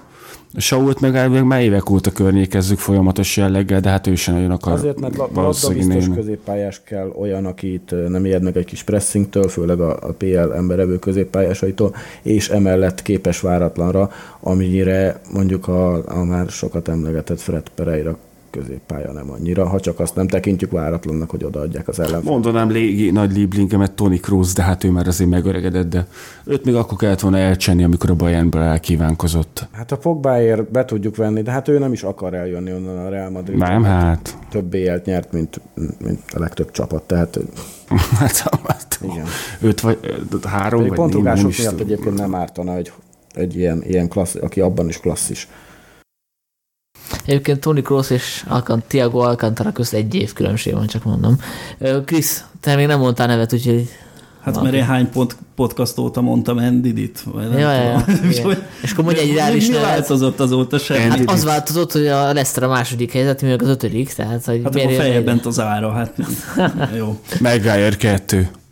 Tehát, hogy árcédulába valószínűleg most lehet akkor. érdemesen úgy gondolkozni, ki az, aki januárban is elérhető. Ndidi nem. Hát elérhető, csak kurva drága lesz valószínűleg. Nem, nem elérhető. A Leicester, Leicester nem fog senkit eladni, amikor második helyen állnak. Ez, ez Abszolút, hát ez, ez, ez nem, Ja, ez, mondjuk ez nem realitás egyáltalán. A, amit még be tudnék nyugni, az az, hogy azt azért nem véletlen, hogy állandóan mindig van plegyka a támadó posztról, mert ugye ez a jobb szélünk szerintem Valencia óta nem teljesen megoldott, Ugye most speciál van egy, van egy James nálunk, aki jobblábas, de igazából szerintem a bal szélen érzi ő jól magát igazán, ahol kapura tud húzni az erősebbik lábával befelé, tehát úgy a jobb szélünk még mindig egy kicsit ilyen húzatos, Várja is Úgyhogy, Greenwood. úgyhogy a plegykákat értem. Szerintem de egyébként James tök jó a jobb szélen. Gólpasszok. Hát szerintem nekem az- vannak, és bal szélen, most már vannak bal gólpasszai. szélen meg Nekem szimpatikusabb. Tehát, hogy Nekem szimpatikusabb tűnt a ballon hát egyébként de James. James. Rashfordot kiveszed a bal oldalról, hát Hát mondjuk akkor meg őt berakott centerbe, akkor ott meg ő hogy meghalt. Meg tíz ember körülbelül, tehát nem, nem érdemes kivenni őt onnan szerintem. Á, igen, mondjuk a Rashfordnak jobban áll a bal szél egyértelműen. Hát nekem van ez a, tehát most konkrétan úgy állunk, hogy a jobb szélre elmuzsikálott James, de alapvetően ilyen szempontból két hasonló játékos, hogy bal szélről indul befele, és kapura lő, meg támadja a kaput. És hát hogy mondjam, kis szerkezeti hiányosságot érzek, amit be lehetne tömni. Tehát nem azt mondom, hogy ez innentől kezdve, mint átervként kéne, hogy működjön, hogy mi most igazolunk valami stabil embert a jobb szélre, nem, hanem legyen meg Szulcsának az a lehetősége, hogy akár meccs közben változtathasson. Beolvasok közben egy random Stanley kommentet, Sancho gól plusz gól plusz paszt. És olvasd, ol, olvasd be az alatta lévő kommentet is, légy szíves. Nem tudom, de, nem. de ez most csak idézett, fejből történő idézet volt. Viszont ha már bejött Sancho, ugye őt plegykálják velünk, szerintem ennek ilyen 10%-os realitása van. Szerintem öt. Szerintem egyébként szívesen visszajön Angliába. Ez csak nem biztos, hogy hozzánk. Viszont, bocsánat, ha már, ha már be- bedobtuk a nevét, Ja. akkor tegyük fel a kérdést azt, hogy ö, amikor már látjuk, hogy a Greenwood az lehet, hogy Rashford szintű tehetség, vagy még nála is tehetségesebb, akkor, akkor jó ötlete ide hozni egy hasonló korú játékost, tudom én, 100 millióért, amikor lehet, hogy a, a Greenwood is meg tudná, be tudná játszani ezt a jobbról betörök és berúgom, meg gólpasztalok ötlet, típusú feladatkört. Egyrészt a versenyhelyzet miatt, másrészt meg azért valljuk meg Greenwoodnak egy olyan három év kéne, hogy felépítsük, hogy kezdő csatár legyen, 21 év. Na jó, de idehozunk egy, egy Sanchót, akkor az kb. 5 év, amíg ő itt lesz, minimum. És akkor a Greenwood addig mit csinál? Eligazol, mint a Pogba. Alapvetően Én nem akarok még egy Pogba szituációt, azért az elég durva volt, hogy kineveltük a Juventusnak a egyik világklasszisunkat. Alapvetően nem értek, tehát nem értek egyet ez az egész Sancho hype Persze baszott jó játékos, ezt elismerem. Tök jól játszik a Dortmundba, ezt is Az elismerem. a bajod, hogy Dortmund játékos? De ez, ezt leszarom, hogy Dortmund játékos, nem játszhatna a kis, Hát, kiskunfél egyházán is. Dortmundból eligazoló játékosok nem mindig állják meg a... Hát ez, ez, ezt akartam mondani. Na jó, ez egy más van szituáció, van- azért Kagawa nem a Manchester City-ben Hát de azért sokan nevelkedett. voltak ilyenek. Volt, ott volt a Sáhin, aki elment a poolba, aztán nem igazán. De érted, most egy angol játékosról beszélünk, aki Hát- Angliában nevelkedett. De okay. nem ugyanaz. de, de én nem vagyok benne biztos, tehát nem érzem azt, hogy most nekünk pont rá lenne szükségünk. Tehát, hogy szerintem fontosabb csapatrészeket kéne megerősítsünk pénzért, mint hogy most 100 millióért igazoljunk egy ilyen futbalistát. Én azt gondolom. És igenis, amit a Sanyi mondott, szerintem, hogyha ha Greenwoodot látjuk, hogy tehetséges, meg ügyes fiú, akkor minél több lehetőséget kapjon, mert, mert akkor, akkor lesz jó futbalista, ha sok meccset játszik, a Premier League-be sok meccs lesz a lábába, attól edződik, attól erősödik, nem attól, hogy most az Reserves-be rongyosra szopatja az összes többi ellenfelet, hanem tényleg a Premier League-be ott, ahol kell megmutatja magát, vagy a BL-be adott esetben. Valamit elfelejtettek mindannyian, hogy nyártól még két évig miénk lesz Alexis Sanchez. Kinek elszólni? Milyen jó opció. De szerintem ezt, fel, ezt most így nem megessük föl, tehát, hogy Most ez egy tényleg ez komoly. Persze, még van ott két és fél év a szerződéséből, vagy nem. A kurva Ja, életbe. jut eszembe. Jó, egyébként erre akartam még visszatérni, ha már itt tartunk, hogy Sánchezről beugrott, hogy még egy nagyon régi gondolathoz szólnék hozzá, azt hiszem így egy, kb. egy órával ezelőtt hangzott el, hogy ugye Fan Azóta pofázunk. Is, igen, Mourinho és Fanhál is úgy lett kirakva, hogy elvesztették az öltözőt. Hát most ez igazából minden edzőnek rémáma az, hogy ö, ilyen ö, mindenféle koncepció nélkül összevásárolt ö, csapatokat kell átvenni, és így, ö, hát most, hogy mondjam, tehát a probléma az az, hogy egy transfer mire végbe megy, az néha több éves előkészítést is igénybe vesz. Tehát az simán, el, simán történnek ilyenek, hogy egy edző vagy egy menedzser regnálása alatt elkezdődik egy folyamat, valakit megkörnyékezünk, rászállnak az ügynökök, stb. És Lásd Herrera. mire, mire, hát igen, és mire ide érkezik a kiszemelt játékos, addigra az a menedzser, aki kinézte magának, az már kanyarban sincs. De Akkor most már rég idejött egy Arra másik célzol, hogy igazából a Sanchez azt a már a Moyes is akarta? Nem, nem arra célzok, hogy a Moyes is akarta, hanem hogy ö, A 2010-es amit most nagyon tetszik, Akartam, akkor tök. Na mindegy, arra akartam célozni, hogy uh, volt azért a keretünkben jó néhány ilyen játékos, aki így lett gyakorlatilag összevásárolva, hogy egy edző kinézte magának, kilapátoltuk, jött helyette valaki más, aki nem tudott vele mit kezdeni, nem tudott vele együtt dolgozni, és csak ilyen ballasztként volt a keretben, és akkor ezektől most szépen elkezdtünk megszabadulni. Na tehát újabb piros moncúksárnak ennyi. Én ennek tökre örülök egyébként, ez egy tök jó pont. Én is neki. az átigazolási piacon nyújtott teljesítmény, azt szerintem ez, az egy nagyon jó, egy olyan, nem tudom, legalább négyesre értékelném. A három igazolás, akiket hozott, ők mind beváltak. Maguire, ö, még ha nem is robbantotta szét maga körül a védelmet, azért elég komolyan ő ott az oszlop. James sebessége az, az eleve egy fegyver, meg hát látjuk, hogy a, a szinte nem az, hogy ráépül a taktika, de az, hogy a nagy csapatokat lekontrázunk. abban Hát több nagy meccset hoztunk vele, igen. Érdeme van. Fambisaka pedig egy állat, tehát én nem is tudom, hogyha fejlődik még két-három évig, világ legjobb jobb hátvédje lehet védekező szinten, úgyhogy nagyon-nagyon, az tényleg ötös a, a azokat, akiket hozott. Volt nagyon sok ember, akitől én örültem, hogy megszabadult, Fellaini, például Lukaku, ugye Sanchez csak kölcsönbe. Smalling kölcsönadása szerintem az egy negatív dolog, illetve hogy a erre szerintem nem az ősara, hogy a lejáró szerződésű játékosokkal, mint például Herrera nem tudott mit kezdeni. De szerintem éppen ezért nem értem azokat, akik azt mondják, hogy jól rúgjuk ki. Még egy-két-három transfer window, és szerintem egy nagyon jó kis csapatot tud építeni Szulsár. Nem minden igazolása fog neki se bejönni nyilván, de eddig mondjuk, eddig mondjuk 100%-os, ha ez egy kicsit csökken, szerintem nagyon jó csapatot épít, ha nem megy minden nagyon sinre, nem fog minden félresiklani, akkor szerintem a hasonló transfer window után, ami nem feltétlenül januári, hanem inkább én a nyárira gondolok, akkor, akkor itt jövőre egy még jobb csapat lehet. Visszatérnék az átigazolásokhoz még mindig. Tehát ha már megválaszoltuk a Sancho vagy Greenwood kérdést, akkor itt a másik, hogy Haaland vagy Martial, mert hogy ez ugyanolyan dilemma, hogy hozhatjuk elvileg, vannak rá utaló jelek, hogy esélyes lenne, ugye, Egyrészt, egyrészt ugye Norvég, mint a Olé, meg hogy edzette is, tehát hogy van egy ilyen személyes kapcsolat, és ilyen 20 milliós kivásárlást plegykálnak, ami azért ajándék kategória. Szóval, ha idehozzuk, akkor az azt jelenti, hogy ö, Martial a padra kerül, nagy valószínűséggel, hogyha feltételezzük, hogy marad ez a felállás, mint most, hogy James az egyik oldalon, Rashford a másikon, és akkor a Martial a középcsatár, és akkor nyilván helyette Haaland lenne. Az a kérdés, hogy akkor ti mit mondanátok erre, hogy jöjjön vagy ne? Nem sokat láttam őt játszani. A góljait, azt láttam, hogy, hogy hány gólt lő.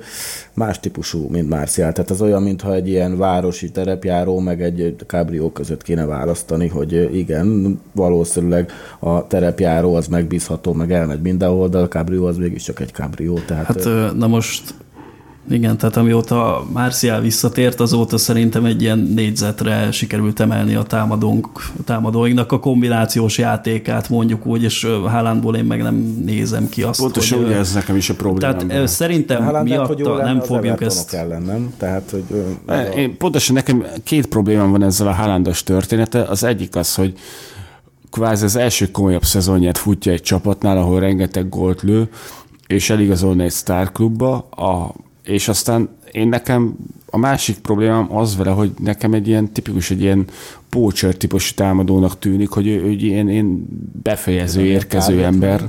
Vagy én nem tudom. Hát annál azért nem. sok oldalúbb. Nem tudom, nekem, én, én, én, annak- én, én, én kicsit ilyen befejező, érkező, ilyen befejező csatának látom, és ha őt meg nem tudjuk megtámogatni rendesen szélről belőtt labdákkal kőkeményen, akkor sajnos viszont teljesen kapufa az ő Tudok egy nagyon jó posztot Haalandnak, ő lenne a, a norvég cserecsatárunk.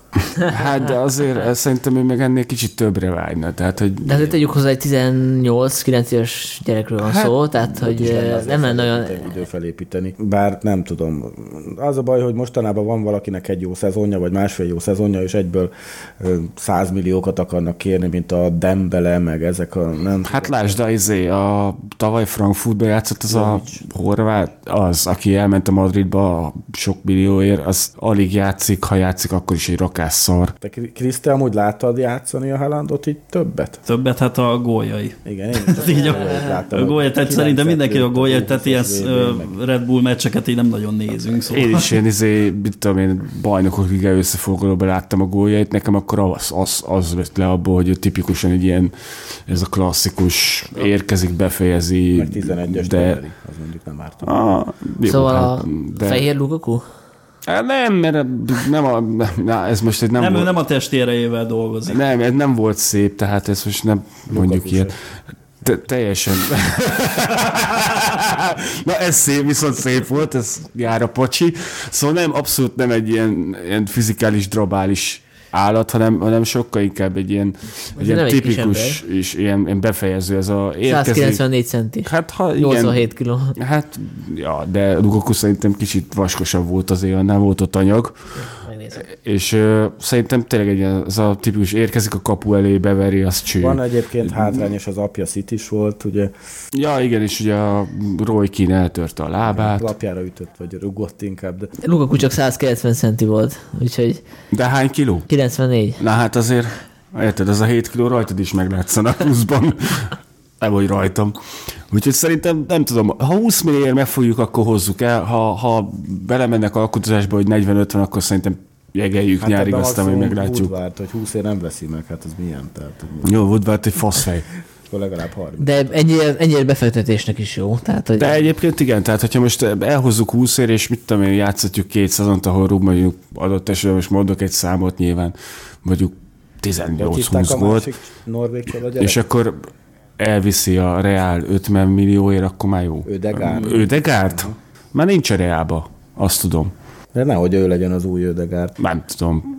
Mondom, ha 20 millióra el tudjuk hozni, akkor szerintem próbáljuk meg, de nem hiszem, hogy nekünk akkor szükségünk lenne rá most ilyen Tudom, pillanatban. cserecsatának szerintem jó, és hogyha, hogyha Igen, én, én azt mondanám, hogy az alaptervünket csak miatt nem hinném, hogy fel kéne borítani, meg ezt szerintem senki nem vállalná be épészel, hogy most ezt a 18-9 éves gyereket mint alapkövet lebetonozzuk oda a kezdőnkbe, centerbe, és így köré szervezzük a játékot. Hát így, Greenwooddal így hogyan korrelál, tehát hogy tehát körülbelül egy idősek, nagyjából egy poszton is játszanak, bár Greenwood ugye mehet a szélre is, nem tudom. de én azt, én azt látom most, hogy ebben a támadósorban elsősorban az univerzalitás van így a belevésve a, abba a bizonyos kőbe. Most ez a legfőbb, ez a legfőbb érték, és ebben Haaland hát így nem hinném, hogy így be tudna csatlakozni. én azt látom, hogy jobb oldalra azért kéne a, a B-tervben, hogy James tök jó. De betöbbörő miért nem próbáljuk ellen. ki ott, nem? Hol? Jobb volt. Hát eddig mindig ott játszott. Na hát azért Játszott. mondom, akkor, akkor lehet belőle egy új Robben. Inkább Van Persie-re hasonlít, ha már holland klasszis játékosokról beszélünk, szerintem a lövései azok egybe az egy az egybe Van Persie-sek, hogy nem olyan kurva erős lövések, hanem pontosan oda van rakva, és az ki ezt 18 évesen tudja, az abból szerintem nagy játékos. lesz. Azért, azért Van Persie rugott nem kell, és izomból nagyon nagy gólt te is emlékszel 25 szerintem. mondjuk volt három-négy olyan, a többi meg olyan, hogy így, így kilőtte hosszút, bepasszolt a kapuba, tehát ez engem abszolút ráemlékeztet. Mhm. Egyébként ritkán tör rám, de múltkor valamiért otthon voltam, és így egy nagyon ilyen nosztalgikus hullámba kerültem a Manchester United kapcsán, úgyhogy Robin Van Persie összes Manchester United mezben elkövetett gólját végignéztem. Hát én azt gondolom, hogy szerintem nagyon-nagyon rég volt annyira kurva jó csatárú, mint ő volt. Ez Latán az volt még, de Hát azért tök más kategória. Hát meg leszállóákból volt már.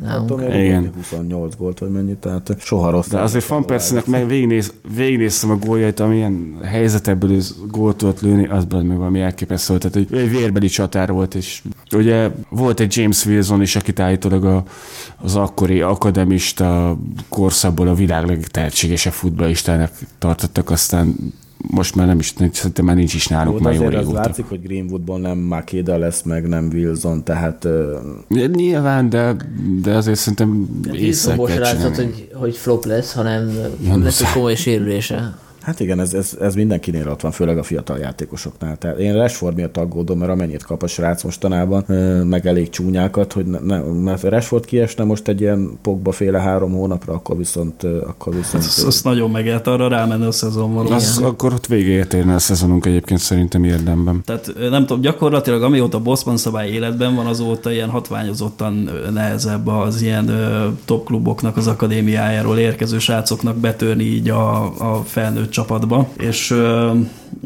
én azért azt látom, hogy így most ez így mégiscsak megy nekünk. Tehát ez így egy elég komoly akadály amit le kell küzdeni a játékosoknak, amit így mondjuk egy jó 21 néhány évvel ezelőtt nem feltétlen volt ugyanilyen nehéz és azok a srácok, akik most Szulksár keze alatt kezdenek így beépülgetni a csapatba, azok így, azokon így, hát most nyilván nem látunk a jövőbe, és még nincs mögöttük több, több éves karrier így a felnőtt csapatban, de egyelőre úgy látszik, hogy így nem nagyon roppannak össze a nyomás alatt, bírják a tempót, tudnak hozzátenni a csapat játékához hasznos tagjai így a kezdőknek, úgyhogy... Nem csak nálunk van ez így tendencia szerintem. A Chelsea-nél nyilván... Hát nem csak nálunk, ugye mindenkire ezt... De, de, ha... ez, ezt minden, minden, minden ilyen európai top csapatra értettem most, tehát ahol ilyen súlyos 10 milliókért összevásárolt keretekbe kell betörni akadémiáról érkező játékosoknak, hát az egy óriási nehézség, és ugye az se véletlen, hogy minden ilyen hát ugye európai top csapatnál, ha szétnézünk, hogy szezonok elején gyakorlatilag komplet kezdő 11 való játékosokat küldenek ki kölcsönszerződéssel, akár alacsonyabb ligás csapatokba is, ma már felhívni akadémiából játékost, úgyhogy a kezdőcsapat tagja lenni az ilyen borzasztó kockázat, úgyhogy ezt többnyire így kiszervezik a, a kölcsönbefogadó játékosoknak. Mi is most elköltöttünk, nem tudom, 20 millió fontot két-három játékosra ami szintén kockázat, bár nem akkor a kockázat, mint megvenni valamit, valakit 60 ér, és akkor utána flop lesz, de hogy már az akadémiák sem feltétlenül a helyi srácokból állnak össze, bár most tényleg nálunk ez ilyen szempontból úgymond szerencsés, mert sok a, sok a tényleg a helyi srác, de ha megnézed most a, a Bayernbe is a befutott bal hátvédet kanadai srác, de ő is akad, jól tudom, Bayern akadémista, és a, a legnagyobb csapatokba is épülnek be folyamatosan a, az akadémisták, és itt nem csak az olyan klubokra gondolok, mint például, nem tudom, a Lyon, vagy, vagy a tipikus nevelő klubok, hanem a legnagyobb csapatoknál is. Szerintem egyébként ez valamennyire jó irány egyrészt, és valamennyire a jövő, hogy, a, hogy akár a legmagasabb szinten is be lehet építeni fiatal srácokat. Talán a Chelsea példája jól mutatja, hogy, hogy most, hogy nem tudtak igazolni, kénytelenek voltak berakni azokat a srácokat, akiket ez egyébként kölcsönbe küldözgettek mindenfelé, és kiderültek rá, hogy nézd, az ezek a srácok tudnak focizni, és nem kell elkölteni pénzeket. Egyébként a, pont a Chelsea ennek a nagymestere, hogy az ilyen felnevelt játékosaik azok, ugye ha nem is feltétlen a Chelsea-nél, de azért máshol még azért elég szépen muzsikálnak.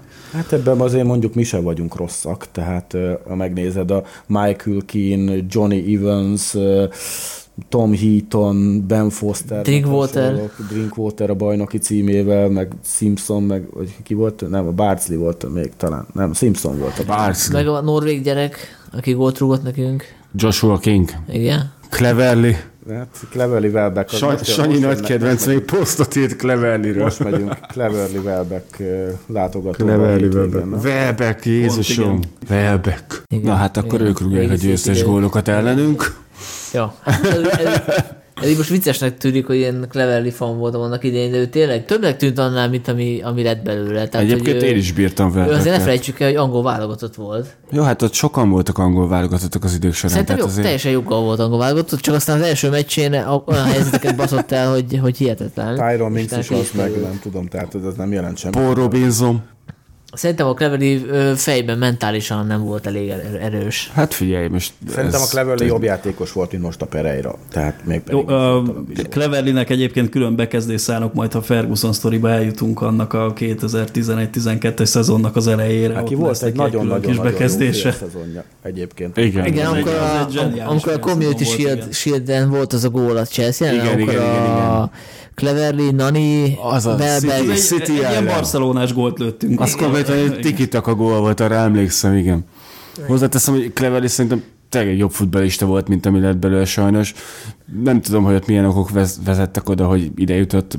Lehet, van, hogy mentálisan nem bírta el. Van komon olvastam egy nagyon jó cikket Beverlyről, érdemes elolvasni, ő abba kifejti, hogy hogyan jutott el idáig. Hogy, hogy nem United játékos már, és önkritikus, meg, meg tényleg jó cikk. Nem akarom így összefoglalni. Közben annyira interaktívak vagyunk, hogy most nézem a, a fórumot, és valaki betett egy tök jó Annyira táblázatot. interaktívak, hogy a, a, nem tudnak válaszolni a kommentelők, csak... Igen, igen. Igen, igen, nem érő az adás, mert ezzel valamit kitálunk, hogy hogy lehetne élővé tenni. Vannak itt technikai problémák. Na, szóval ezt elmondom, ez tök érdekes. Ronaldo és a Rashford első 127 PL meccsének összehasonlítása. 127. E, mert, mert ez 127 meccset játszott eddig a Rashford, gondolom azért. Wow. Tehát ő kezdő, kezdőként Ronaldo 94-et, a Rashford 86-ot. A lejátszott percek az kb. ugyanannyi, 8000 fölött, illetve bocsánat, nem, mert a Ronaldonál 8000 900, a Rashfordnél 8 100, tehát ez nem mindegy. Szerzett gólok, Ronaldo 34, Rashford 37. Assist, Ronaldo 22, Rashford 18, goal involvements, ez nem tudom pontosan mit jelent. Hogy... Hát, hogy benne volt egy gólban. Hát ezt én is értem, hogy mit jelent angolul, de amúgy mit akar. A, a számot mond. Igen, tehát Ronaldónak 56, Rashfordnak 55. Igen, ez a kanadai táblázat. Uh, gól percenként, Ronaldo 262, Rashford 219, uh, minutes per goal involvement, Ronaldo 159, Rashford 147, és a helyzetek aránya, amit ugye befejezett gólként, Ronaldónál 7,2, Rashfordnál 14,5. Ez elég, elég biztató. Jól értem kicsit ezt az ilyen vízállás jelentéses statisztikát, hogy, hogy akkor azt mondják, hogy Rashford jobb, mint Ronaldo volt, de Hát bizonyos statisztikákban igen, másban meg nem, de hogy nagyjából hasonló. ez az első 127 PL meccs, de valószínűleg Ronaldónak utána jött ez a durva szezonja, amikor 40 gólt lőtt, nem? Mert itt 34 gólból volt szó. Igen, igen, igen, igen. Pont utána, igen, csak hogy Igen. én úgy érzem, hogy Ronaldo azért akkora potenciál volt, ami talán soha semmilyen futballjátékosban nála korábban, és ezt hála Istennek volt az az edzői stábunk, amelyik ki is Meg hozta azért belőle. abban a szezonban tényleg a szó szerint a tökéről is bepattant a labda, tehát Hát amúgy igen, volt olyan gól konkrétan. Igen, az egy, az egy szerencsésebb szezonja is volt. Egyiket Rashfordnak pont, pont most kell áttörni, tehát most van ez az időszak, és szerintem ebben elég, elég jól szintet lépett. Akkor a, idézem a kommentelő kérdést. Lassi kérdezi, hogy eléri-e Ras- Rashford a 20 gólt a PL-ben, és ő lesz az első számú gólfelelős a Hát most a, közeljövőben. amilyen ütemben most lövi a 14. gólokat, most simán át fogja Szerintem vinni. simán meg lesz a 20 gól. Tehát ezek után nyilván kudarc lenne, hogyha nem érné el, mert 14-nél tart. Tehát, hogy... De az a, nem a PL-ben, hanem az összes. Nem? Ja, bocs, Az, bocs. az idei összes, de a PL-ben is. Igen, a, PL ki- a, a kérdés a PL10 PR-re vonatkozott, 11. jogos, jogos. nem hiszem, vagy nem tudom. A szezon előtt volt még ilyen kérdés, és akkor én azt mondtam, hogy Martial és Rashford is meglövi a 20 gólt a szezonban. Hát Martial egy kicsit most ebben lemarad, de én még ebben egyébként Én úgy emlékszem, Továbbra is arra, hogy félbeszakítalak, de úgy emlékszem, hogy ezt én mondtam, vagy nem. Én három támadót mondtam. Mit mondtam én szezon? Mindegy. Visszahallgatjuk. Mindenki 20 gólt rő, James is. De is. Lindelöf is. Lindelöf már lőtt egyet, tehát az, az, Az úgy tényleg már fejelt az egyet. több, mint mondjuk Freddy, vagy nem tudom, tehát hogy néhány Pereira-é. pályás- Pereira is lőtt. Lőtt meg volt Pereira. Tényleg? Akkor Fred. elég szép gólt rúgott. Ja, Jó, ez bepattant, de lecsú, nem- lecsúszott, lecsúszott. Nem bepattant egy emberről is, de Pereirának adták. Jó, az lehet, hogy ez- lehet, hogy az előző szezonban volt, amikor így 30-ról 30-ról 30-ról rákult egyet. Kutya gólt lőtt idén, tehát épp, hogy nem öngólnak adták. Rolandnak volt egy elég random kérdése, hogy Dalótnak, soha nem tudom, hogy kell mondani, Daló, Daló. Dalónak lesz-e akkor a karrier nálunk, mint Darwiennek volt? Vagy Hát hasonlóan, hasonlóan alakult, tehát hogy nem Nagyon játszik, tetszik mint ahogy. Darwin sem. Nagyon egyébként kurva jó kérdés. Szerintem Daló is a, a Real Madridba akar igazolni az éjségét három hónapja. Nem, nem, nem látom egyébként. De ugye megint csak is egy példa arra, hogy valaki egyszer kinézte magának, megint tartott x ideig, mire leigazoltuk, és mire leigazoltuk, már megint nem, Nem, tudunk nem mit George Mendes. Egy 20 éves Hát nem, ez bizony Zsuzsi Mourinho volt, Zsuzsi Mendes, azt hiszem az ügynöke, nem? Az ügy. De- igen, de értjük a kérdést. De egyébként nyilván értjük minden. Én egyébként, én, én amikor játszottam, lát, láttam játszani és srácot, akkor szerintem ilyen tehetségesnek tűnt, mert nem tűnt egy rossz futballistának. Pláne ahhoz képest, hogy 20 éves, tehát hogy Pláne ahhoz- szerencsétlen megsérült, idehozták a hogy- nyakára van biszakát, esélye nincsen. Fiatal gyerek, Tehát szóval... meg, meg, se kapta a lehetőséget. és igazából ugye elvileg a középpályán, a jobb oldali középpályán is tudna érvényesülni, tehát hogy még lehet, Te hogy... Még, ugye? Nem, José, José hozta. Hát a, Mourinho a volt. fantasztikus Mester 3-as tavalyi igazolás a Daló, Fred és Grant volt a tavaly nyári igazolásunk, úgyhogy Jó, most Grantet nem ér basztatni szerintem, tehát ő nem tehet semmiről. Hát, Hoztuk volna, a, Aláírtam. kap, kapott gól nélkül hoztuk volna az Európa Ligát, ha nem találja ki Szulsár, hogy Grant legyen a Óvó bácsi a fiataloknak az aztánba, tehát De szerencsétlen most hagyj játszol, legalább egy kibaszott meccset, érted? Jó, az a, a daló, az a mourinho volt az ötlete. Én nem tudom, tehát annyira fiatal, hogy szerintem még... Hát nem, alatta érkezett. Azt lehet, hogy, lehet, hogy meg kéne próbálni egy lehetőséget még megadni neki, aztán ezt majd Szulsár eldönti, hogy Értem, csak akarja én vagy inkább, sem. inkább Williams terültetném, tehát ő is jobblábas, és tud mind a két oldalon játszani. Én benne több fantáziát látok, mint Dalóban, őszintén szólva. De ott alig láttuk játszani, ezt én hozzátenném. Na, közben akkor egy másik kérdés. Szerintem ez tök jó kérdés. Róli kérdezi, hogy mivel győznétek meg a kijelölt transfer targeteket, hogy ide jöjjenek? Örök élet és ingyen sör. Pina, nem tudom. Kokain. Hát ez, a, ez nyilván a transfer targettől. Szerintem egyébként pont Haaland esetében azért van egy elég komoly, komoly protekciónk, hogy, hogy ö, Szulksár, ugye ő az, aki először berakta a Molde kezdő csapatába. Őt azért nem nehéz erről meggyőzni szerintem. Sancho-t Manchesteri gyerek talán, talán Hát de azért a város másik oldalán nevelkedett, nem? hát Tehát, hogy azért ugye mert ugye, hogy nem, nem, nem kapta meg a a bugy, bugyikék, bugyikék oldalon volt, úgyhogy Úgyhogy ilyen re- re- revenge porn még lehet belőle, hogy megbassza. abból mondjuk még igen, abból mondjuk még úgy, hogy ilyen City Reject, így még lehet, hogy így kedve is lenne ide jönni, és ez motiválná, hogy akkor most a vörös módon megmutatom nektek, nektek faszfejek, hogy mennyire elbasztátok ezt.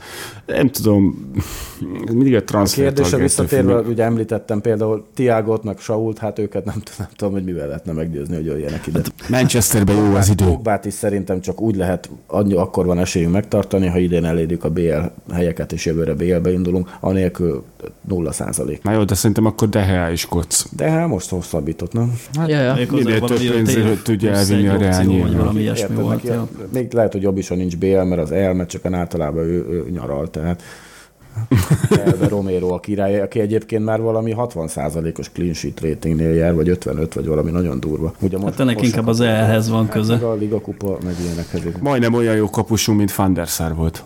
Hát Van der Sárnál jobb egyébként szerintem a száz.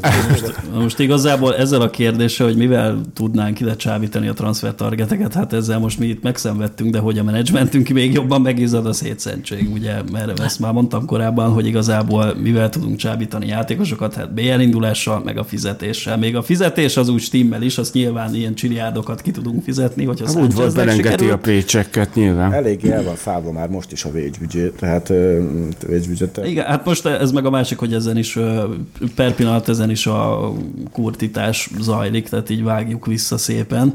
Helyes. De, hogy mondjam, ez a, ez a bajnokok ligája komponens, ez per pillanat hiányzik. Az pedig kell a, a top, top, top játékosok elcsábítására. Hát, hát ez az ügynökök első kérdés. Ez most így őszintén szólva, amíg nem, én- azt se tudom, hogy Maguire hogy írta alá ezt a szerződést, én nem tudom, hogy ez hogy történt, hogy őt hogy Hát a tudtuk Leicester- így elcsábítani, mert én... BL, nekünk se, tehát akkor még nem tudta, hogy a Leicesternél lesz BL egy hamarosan. Lester fiatal volt, kellett a pénz.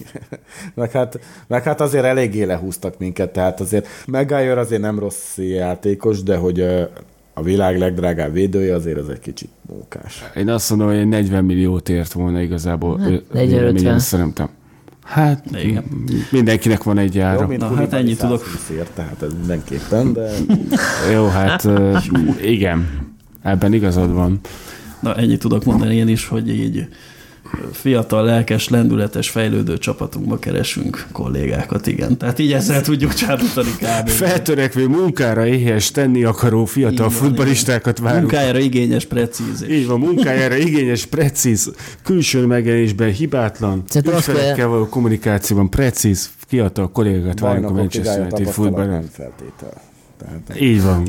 De az Európa Liga se azt biztosítjuk. Szerintem azt kell csinálni, hogy a na, ilyen nagyon bő transfer lisztet csinálni, és utána azt a listát odaadni egy ilyen Facebookos belső embernek, aki összeveti a kijelölt célpontoknak a, a posztjaival, hogy volt olyan köztük, aki posztja alapján gyerekkorában United rajongó volt, és akkor ott könnyebben meg lehet győzni, hogy jöjjön el, mert ez gyerekkori álom neki, hogy Szerintem Unitedbe játszon. De miért? Tehát, hogy így, De most te nem mennél Unitedbe játszani? én bármikor, bazd meg, én hónap elmennék játszani két percet, már a világ legboldogabb ember, bazd meg.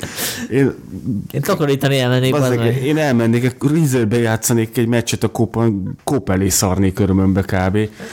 Tehát, hogy így, nem, szerintem ez ez így nem, tehát ezért a klubnak, na szóval én azt remélem, hogy van egy profi scouting hálózatunk, amiben egyébként nem vagyok. Az, az el, elmúlt időszak alapban véve nem biztos, hogy van, létezik, de tegyük fel, tegyük, mondjuk azt, hogy van egy profi scout hálózatunk, létszámra biztosan meg vagyunk, ott biz, de de itt kéne valami olyan, olyan valamilyen átigazolási szisztémának működőképesnek lennie, és most itt belemolom ezt, amit én már nem játszom, de régen nagyon-nagyon sokat játszottam, és elképesztő magasságokra vittem a Football Manager nevű játékot, hogy tényleg konkrétan, ugye nem is egy vagy két Premier League csapat konkrétan scoutolással használta azt a játékot, mert hogy az, azt a, a kijövő verziót sokkal előbb megkapták, és abból nézegettek ki embereket, és aztán a való életben nézték meg őket. És lehet, hogy ezt is kéne, nem feltétlenül, hogy ez kéne de azt gondolom, hogy az, a, a megfigyelői hálózatunknak sokkal, sokkal precízebbnek és pontosabbnak és logikusabbnak kéne lennie. Az Everton volt az első PL csapat, amelyik egyébként ö, szövetséget kötött, vagy valami üzleti megállapodást, hát lehet, lehet látni, hogy hol állnak meg igazából te is jelentkezhetsz, hogy az MB1-et, meg az MB2-t scoutolt, szóval ebből nem feltétlenül indulnék ki. Viszont az tény, hogy a, a scouting hálózatunk az most elvileg pont ugye a Mourinho kirúgás után még jobban ráfeküdtünk, és ha ennek az az eredmény, hogy eddig mind a három igazolásunk bejött, akkor hajrá, akkor építsünk rá, és akkor ugye itt nem, a scouting hálózat nem csak arról szól, hogy hogy megtalálják a, nem tudom, a brazil utcasarkon a srácot, akiből a világsztár lesz, hanem hogy a meglévő adatok, statisztikák alapján kiszűrjék azt, hogy ki az, aki a legjobban illene a csapatba, vagy aki a legjobban, legtöbbet lendíteni a csapaton bizonyos árérték arányba, és szerintem ezt eddig, ez a három igazolás eddig elég jól hozta. Úgyhogy hajrá, lehet, hogy megint januárban is igazolunk, olyat, akiről még eddig nem is hallottunk. Ámen, vagy valami hasonló. Hát mondjuk a három igazolásúból kettő olyan volt, akiről talán már hát de Van Bissakának ez egy szezonja volt a Crystal Palace-ben, és jó, látok. De mindenki mondta, hogy mindenki őt hype volt agyon, és nem izé, 10 milliója hoztuk hát el. azért annyira nem lett agyon hype hogy hajtsanak érte a csapatok. Mi voltunk, akik jelentkeztünk, megkérték az árát. Tehát James pedig a, ugye a Championshipből érkezett, és igaz, hogy őt is akart, őt azt hiszem a Leeds akart előttünk leigazolni, de hogy ő sem az a nagyon-nagyon keresett mindenki által megvenni akart játékos volt, Úgyhogy én ebbe bízok, hogy... hogy... Na de hát James az ilyen tizenpár millió volt, ha jól emlékszem, tehát hogy így 15 tehát. Na azért James ennek például az egyik legékesebb példája, hogy ez egy elég nagy húzás volt, tehát ö, ma már ilyen árérték arányon nem nagyon fognak játékosokat venni. De hát azért a 15 millió font azért az még championship játékosért sok számít. Hát Championshipért igen, de Premier League játékosért ez nem, nagyon kevés. Premier League játékosért nem, de Championship játékosért kimondottan soknak számít, sőt nem rekord, de, de közel van a rekordhoz a 15 millió. 20 milliót adtak most valakiért, a, hú, nem is tudom melyik PL csapat adott egy csatárért 20 milliót, azt hiszem a, talán a Sheffield United, azért a Musze gyereke, nem tudom, nem akarok hülyeséget mondani, kell nem, de hát az, az, az, az sem számít kevésnek, meg hát a Van Bissaka 50 millió is egy szezonos védőér azért az sem kevés. Hát nem pláne, ha azt veszük. És De akkor... most azért a Van Bissakát ugye nem csak az ilyen statisztikákból lett előhalászva, úgyhogy senki nem látta őt játszani, hanem ott azért hétről hétre szem előtt volt, és azért láttuk a játékát, őt biztosak voltunk benne, vagyis hát gondolom a, na, hogy mondjam, a scouting hálózat emberei azért ebbe biztosak voltak, hogy így Van Bissaka azért ezeket a becsúszó szereléseket csapattól, éghajlattól, meg ellenféltől függetlenül azt ő így hozni fogja. Igen, Sterling, Sterling szerintem így, így nem jól aludt tegnap a sorsolás után, hogy Manchester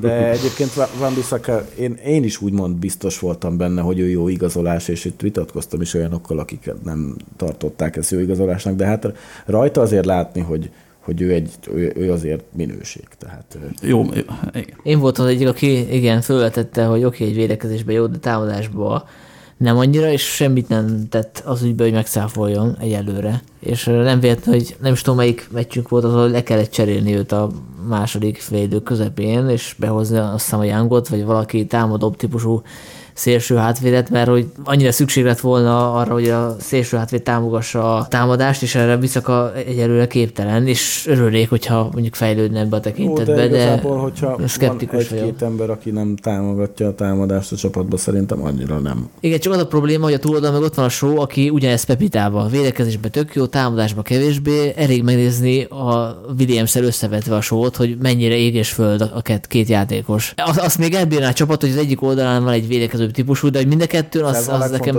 hosszú távon tartalatlan. Williams be, nem? Hát egyelőre nem, mert 19 éves. Nem, mert 18. sónak azért, és hát só mögött ott a tapasztalata, de ilyen az a, az a műsorterv, amit Beyonder kolléga átküldött, abban fel volt éve ez a kérdés, hogy most akkor Williams vagy só, és hova tegyük ki azt a relációs kacsacsört.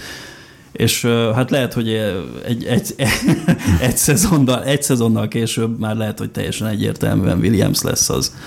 És továbbra is annak a, a mögé, a vélemény mögé tudok beállni, hogy ma már az tényleg elég kevés egy szélső átvétől, hogy csak kizárólag szerelni tud meg lekövetni az emberét. Szerintem van visszaka nem csak szerelni tud, szerintem a labda kihozatokban igenis nagyon hasznos.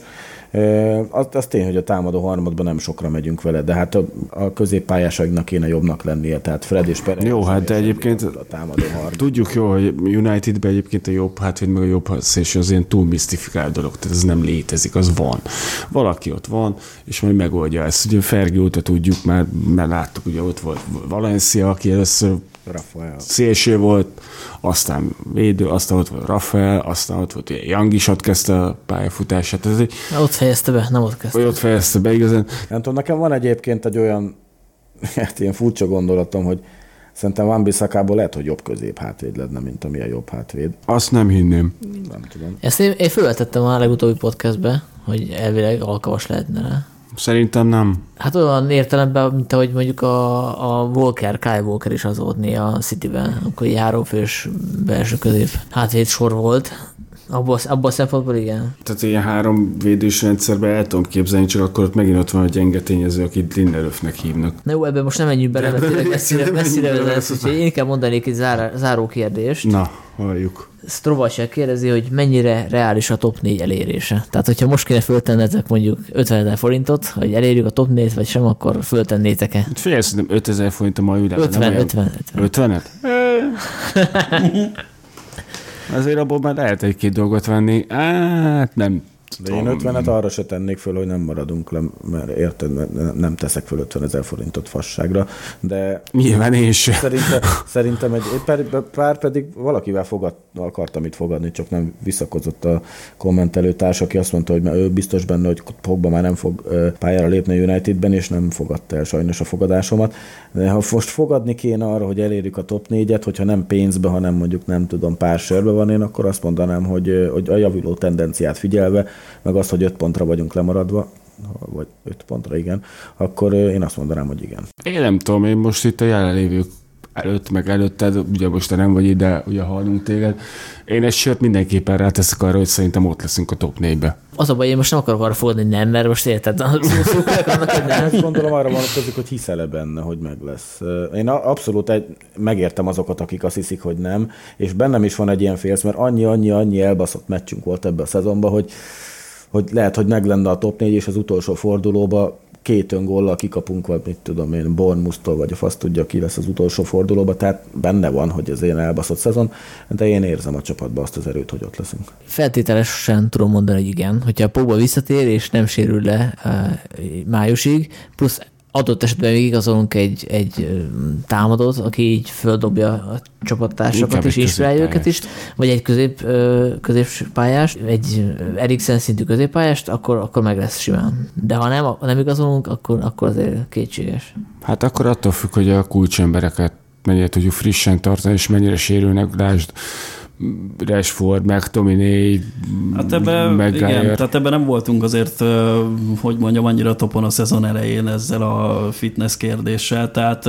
Szulsárnak a szezon első, szezon első szakaszában azért elég fura döntései voltak, amikor egy meccsen belül ugye két játékosunk, a Show meg a Marcial is ugye elkezdett bicegni, aztán ugye Show még így simán visszajött a bicegés után, hogy aztán le kelljen cserélni és lesérüljön. Marcialnak meg ugye tudjuk, hogy mekkora kihagyása volt utána, hát tehát így azt gondolom, hogy ez nagy részt ettől függ, tehát a játékunk is akkor kezdett ilyen kicsit látványosabban fölfele ívelni. Amikor Marcial visszatért a sérüléséből, és hogyha ezt el tudjuk kerülni az ilyen, az ilyen panális döntések miatt bekövetkező sérüléseket, akkor azért így meg kéne, hogy legyen az a top négy szerintem. Hát egyetértek. Négy igen. Hát Sanyi, fel, Sanyi, Sanyi parlamenti módon tartózkodik. Igen, inkább tartózkodom. De a kétharmad meg volt. Túl optimisták vagyunk megint egy-két győzelem hatására az a baj. Én nem, én abszolút helyén kezelem a dolgot. Elmondtam, szerintem, hogyha már február környékén látjuk, hogy hogy állunk az összes kupába, sorozatba, akkor elkezdő, akkor priorizálni kell, és el kell dönteni, van esélyünk a top 4 és akkor el kell engedni a többit, ha nem, akkor meg izén próbáljunk egy Európa Ligát nyerni, aztán akkor meg jó. Ha meg nem, akkor nem. Akkor végezetül én föltettem a előzetes műsortervben egy olyan kérdést, hogy kedvenc Boxing Day meccsünk, ami... Ezt a kommentelőktől is várjuk majd, az ilyen... Teljes mértében úgy írjátok meg nekünk a kommentmezőbe, hogy mi volt a kedvenc Boxing Day meccs. Na, ami részemről bluff volt, mert hogy én abszolút nem emlékszem egyetlen egy ilyen meccsre sem, de gondoltam, hogy hát nektek van ilyen. Jó, én bedobnék azért egy ilyet, hogy mint aki rendesen elvégezte a házi feladatot. Tehát uh, van egy 2007-es ilyen Sunderland ellen vívott Boxing Day mérkőzésünk, ahol egyébként 4-0-ra nyertünk, és uh, nem feltétlen mondanám, hogy ez a kedvencem, de ez azért barom jó, mert fenn van az egész egy, egy, egy az egybe YouTube-on, úgyhogy aki ér az az időutazása magában egy kis kedvet, akkor azt szerintem most tegye meg még mielőtt letörlik, vagy letiltják a videót, mert még végig lehet nézni, és igazából pont most jutunk el ugye a Ferguson sztorinak ahhoz az epizódjához, ahol jön megint a duplázás, meg az a nagyon fluid támadósor Tevez Rooney Ronaldóval az élen ezt a játékot itt simán tökéletesen vissza lehet nézni, hogy ez hogy festett tíz évvel ezelőtt. Tehát gyakorlatilag nincs két egyforma akciónk, annyiféleképpen tudjuk szétépni az ellenfelet, hogy ez elképesztő. Mindezt úgy, hogy Tevez azt hiszem azon a meccsen nem is játszott, tehát Ronaldo, Runis a hármassal mentünk, és Nani volt a túloldalon. És, ez már tíz éve volt? Hát ő több mint tíz éve konkrétan. Az meg te öregek vagyunk. Hát, úristen, szörnyű. Igen, és uh, ugye még hozzátéve ilyen finomságokat, hogy Roy Keane ugyebár a Sunderland edzője azon a meccsen, és Dwight York játszik belső középpályást a Sunderlandben, azért elég, elég kemény. Ellen Smith nem volt valahol ott? Ugye ez még uh, kicsit fura ez a meccs, uh, így visszanézve ennyi idő, uh, ennyi idő távlatából, tehát ez még az a korszak a Premier Ligának, ahol ilyen külföldi menedzsereket még így nem nagyon szerettek megbízni, tehát így a Premier League 20 csapatából ilyen 17 menedzser az így a Szigetországról, vagy így a Szigetekről származik, tehát ott még ugye volt a stabil Arzen Wenger, Benitez, Mourinho-t ugye addigra már kirúgták a felébe, és ugye volt még a kicsit kilóg a sorból a mm, Juan de Ramos volt azt hiszem a tehát nemnek a menedzser. Juan de Ramos, te jó Isten. Az sem volt azért, igen. Tehát így a, a játékképe az így a maival, hát nem azt mondom, hogy összehasonlíthatatlan, de az eszméletlen sok időt tölt még így is a labda a levegőben. És amit még megfigyeltem, és amit mondtam korábban most a műsorban, hogy szeretnék visszatérni erre a végére, hogy az a sokszor fényezett és sokat emlegetett Vidics Ferdinand páros is azért választ olyan megoldásokat a, azon a meccsen, amire ma azt mondanánk, vagy gondolom manapság egy edző azt mondaná, hogy hát ezt mi itt nem feltétlen szeretnénk viszont látni. Tehát így számtalanszor választott olyan megoldást a védelem, a Red Wall, hogy így teljesen lehetetlen helyzetben inkább kirúgták az oldalvonalon túra, meg felbombázták a lelátóra a labdát, hogy ott, holott azért azt még meg lehetett volna tartani esetleg, és akciót építeni belőle. Úgyhogy mondanám azt, hogy sikerült annyit változni a futballnak ezelőtt a 10-12 év alatt, hogy ja, ma már hát nem azt mondom, hogy az elsődleges fontossága a védelemnek az, hogy jól bánjon a labdával, de nagyon fajsúlyossá vált ez a témakör az elmúlt 10-12 évben. Jó, én rövidebb leszek, mint Chris volt. Én meccset nem tudok mondani, őszinte leszek. Nekem egy jelenet maradt meg, azt hiszem talán West Ham ellen játszottunk, vagy nem tudom ki, amikor Berbatov kb. ilyen melmagasságban egy légstoppal lekapta a labdát, és azzal hogy a kapura is verte. Én nekem ez így megmaradt így Boxing Day-ről, ez valahogy így nem tudom, nekem Berbatovnál ez, ez a jelenet itt amellett, hogy persze egy ösztönös zseni volt az ember, de így ez, ez így valamilyen elképesztően klassz és elegáns dolog volt, hogy ez megmaradt. Az nagyon, azt a gifet, aki elő tudja keríteni, az keresem. Igen, az kap tőlem egy sört legközelebb a mozaiba, ha én is ott leszek. Egyébként meg általában a Boxing Day alkalma, ugye rengeteg meccset játszunk, és karácsonyban sajnos sokat iszik az ember, úgyhogy nem emlékszünk semmire. Nekem a kedvenc Boxing Day meccsem az a következő lesz, a Newcastle elleni hazai Jövő hét csütörtökön játszuk, remélem, hogy emlékezetes lesz. Hozzászoktunk már a csütörtöki játéknapokhoz, a Newcastle meg nem, tehát minden adott ahhoz, hogy megbosszoljuk azt a szaros 1-0-t, amit ránk mértek októberben. Más kérdés, hogy utána két nappal játszunk a Burnley ellen, tehát itt a csütörtök, szombat ritmust, azt nem, nem értem, hogy igazából hogy gondolta az efé. Remélhetőleg az a győzelem az viszont kurvára kell, nyilván a hétvégi, hétvégi Watford is, de az a Newcastle, ez pontosan az, ami nem megy. Tehát az esélytelenebb, betömörülő csapatot meg kell vernünk, úgyhogy ha megnyerjük, nekem ez lesz a kedvenc De azért így a, még betenném azt a közösbe, hogy így az összes csapat közül nekünk van a legjobb rekordunk így a december 26-ai meccseket, ami illeti, valami 21 meccsből 18 győzelmünk van a többieknek, meg így a fele kb. Tehát így a kanyarba sincsenek, úgyhogy igen. Én is megválaszolom akkor a saját kérdésemet. Nekem az összes Boxing Day meccsünk a kedvencem, mert hogy annál nem tudok jobbat elképzelni, ott, hogy otthon vagy. Figyelj, mindegy, otthon vagy bezabálva, kellemes meleg van, kint esik a hó, vagy nem tudom, hideg van, te meg bent United meccset nézel karácsonykor. Nem kocsmába szoktad nézni a Boxing Day meccseket? Hát nem. Vagy pedig baszogatod a családot, hogy érjünk már haza négyre, mert kezdődik a meccs, és nem akarom a, izé, a részeg nagybácsimat nézegetni, tehát ez még a másik Boxing Day esély. Vagy a család élbét közepén bekapcsolod a tévét, és te meccset nézel. Ja, Zárásként annyit mondanék, hogy egyrészt előre is mindenkinek kellemes ünnepeket, meg boldog új éveket, és találkozunk jövőre, de hogyha valaki szeretne podcastet hallgatni, akkor tudok ajánlani egy uh, alig ismert podcastet, ez a Manchester United hivatalos podcastja, ami nemrég indult el, nem tudom, hogy ezt mennyien tudják, én képben semmit nem tudtam. És ez nekem teljesen meglepő volt, mert amikor, mert amikor elindult, akkor, és hallottam róla, akkor egy kicsit megijedtem, hogy olyan lesz, mint a többi tartalma a Unitednek a hivatalos oldalán. Ugye nagyon ünnepélyes, nagyon semmit mondó, biztonságos közhelyek, és ehhez képest tök jó lett, igen, és és egyrészt jók a műsorvezetők, tehát szerződtettek egy srácot, a Sam Homewood nevű srácot a, a Fulltime Devils oldaltól, tehát egy igazi bloggert, aki, van egy műsorvezető, akit úgy hívnak, hogy Helen Evans, aki azért Evans, mert hogy konkrétan az Evansnek a felesége, és de nem ez az erénye, hanem hogy tényleg ő is így... Szerintem januárban Evans fogjuk leigazolni. Hozzájárul a, a ezt meg kivágom, hozzájárul a műsorhoz, abszolút. és ott van még uh, David May, akivel készítettek egy ilyen pilot adást, és annyira jó volt, hogy ott fölvették állandóra, és uh, így most négyen tolják, és uh, eddig voltak uh, vendégek voltak Berbatov, Wes Brown, Jesse Lingard, Ashley Young, tehát hogy aktív játékosok is, és az az érdekes, az ugye, meg hogy... azt hittem megúszunk egy olyan podcastet, amiben nem hangzik el Lingard neve. Az az érdekesebb az egész uh, műfajban, hogyha valakik mondjuk egy, egy mikrofon dugnak az orra alá 5 percre, akkor ott közhelyek hangzanak el, de hogyha 30 percet, 40 percet kell beszélned, akkor, akkor is megnyílsz, hogyha nem akarsz, és tényleg elhangzanak olyan dolgok, amik máshol nem. És ebből a szempontból én a Darren Fletcher adását ajánlom nagyon, tehát az, az annyira kurva jó volt, hogy nekem az az év egyik legjobb Unitedhez kapcsolódó élménye az a podcast, hogy mindenkinek nagyon ajánlom, hogy beszélt a betegségéről, Fergusonhoz való viszonyáról, hogy amikor a betegsége kitudott, akkor, akkor hogy változott meg a viszonyuk, és így egy, egyrészt ugye kiderült, hogy Fletcherről, hogy egy baromi értelmes ember, tehát ami nem terült ki eddig. Szerintem mindig is tudtam. Én, én nem tudtam, nem hallottam nyilatkozni, hogy összeszeretten nyilatkozik, egy, egy teljesen két lábbal a földön hát, járó ember. Bandit is, meg hasonló, tehát ő egy tök, tök én, én, figyelj, nem, nem nézem a Sky-t, csak hogyha streamelik, de akkor is inkább a meccset nézem. Szerintem nem még a... amikor nálunk játékosot, akkor is kiderült róla, hogy baromi értelmes és intelligens fickó. Szóval a lényeg, hogyha jót akartok, akkor a, a Fletcheres podcastet azt, azt hallgassátok meg. Én őt egyébként roppant roppant sajnálom, hogy nem teljesen. azért szerintem. Azt Amúgy igen. Abszolút. Meg, megspóroljuk a googlizást. De szerintem én, én ott például nagyon-nagyon sajnálom, hogy nem teljesedett ki így a karrierje United mezében, és sajnos ez a betegség ketté pusztult. Nem, nem kellett az a második sárga az Arzenál ellen, de ezt azért szeretnénk. Ki is állították? Nem, kiállították, piros volt. Piros ezt, volt. ezt a mínuszt tegyük hozzá, de én egyébként ezt sajnálom, hogy ez a betegség neki bejött és ketté vágta a karriert, mert szerintem ő tök jó futbalista volt, ja. és nagyon-nagyon kéne még most is egy ilyen játékos, ott mint ő.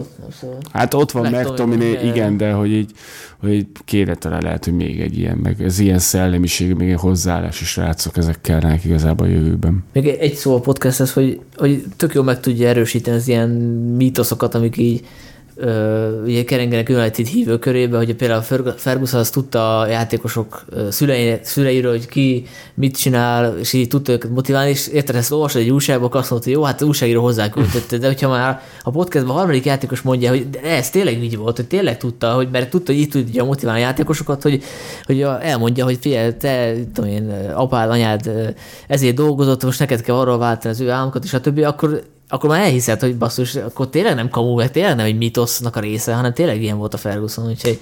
Az öreg azért bad management nagyon ott volt, tehát ott, azért ő tudta motiválni az embereket, abban biztos ők. Igen, és ezért is bízom a Szulsjárba, mert hogy azért ezt szerintem mindenképp elleshette, hogyha taktikailag nem, nincs is annyira topon, ő azt pontosan tudja, hogy hogy kell egy játékosra bánni, hogy a játékos az nem gép, hanem egy ember, és ez hosszú távon fog kijönni az ő erénye, hogyha megvan benne ugyanaz, ami a, a mesterben megvolt. Legyen ez az árszó, hogy Szújs a következő Förgi. Hát igen. no pressure. Kellemes ünnepeket, meg boldog új évet majd mindenkinek, és a tavalyi kihagyás után lesz megint szilveszteri poszt, úgyhogy a Stratford Endet keressétek majd 31-én, mert megtudhatjátok, hogy mi történt 2023-ban. Részemről is mindenkinek kellemes ünnepeket és boldog új évet, beglizabálást és lerészekedést és hányást kívánok. Jövőre is itt leszünk veletek, abban bízhattok. Sziasztok, jelenleg. Na jó, akkor Spotify-on, iTunes-on mindenhol elérhettek. Ciao. Ciao.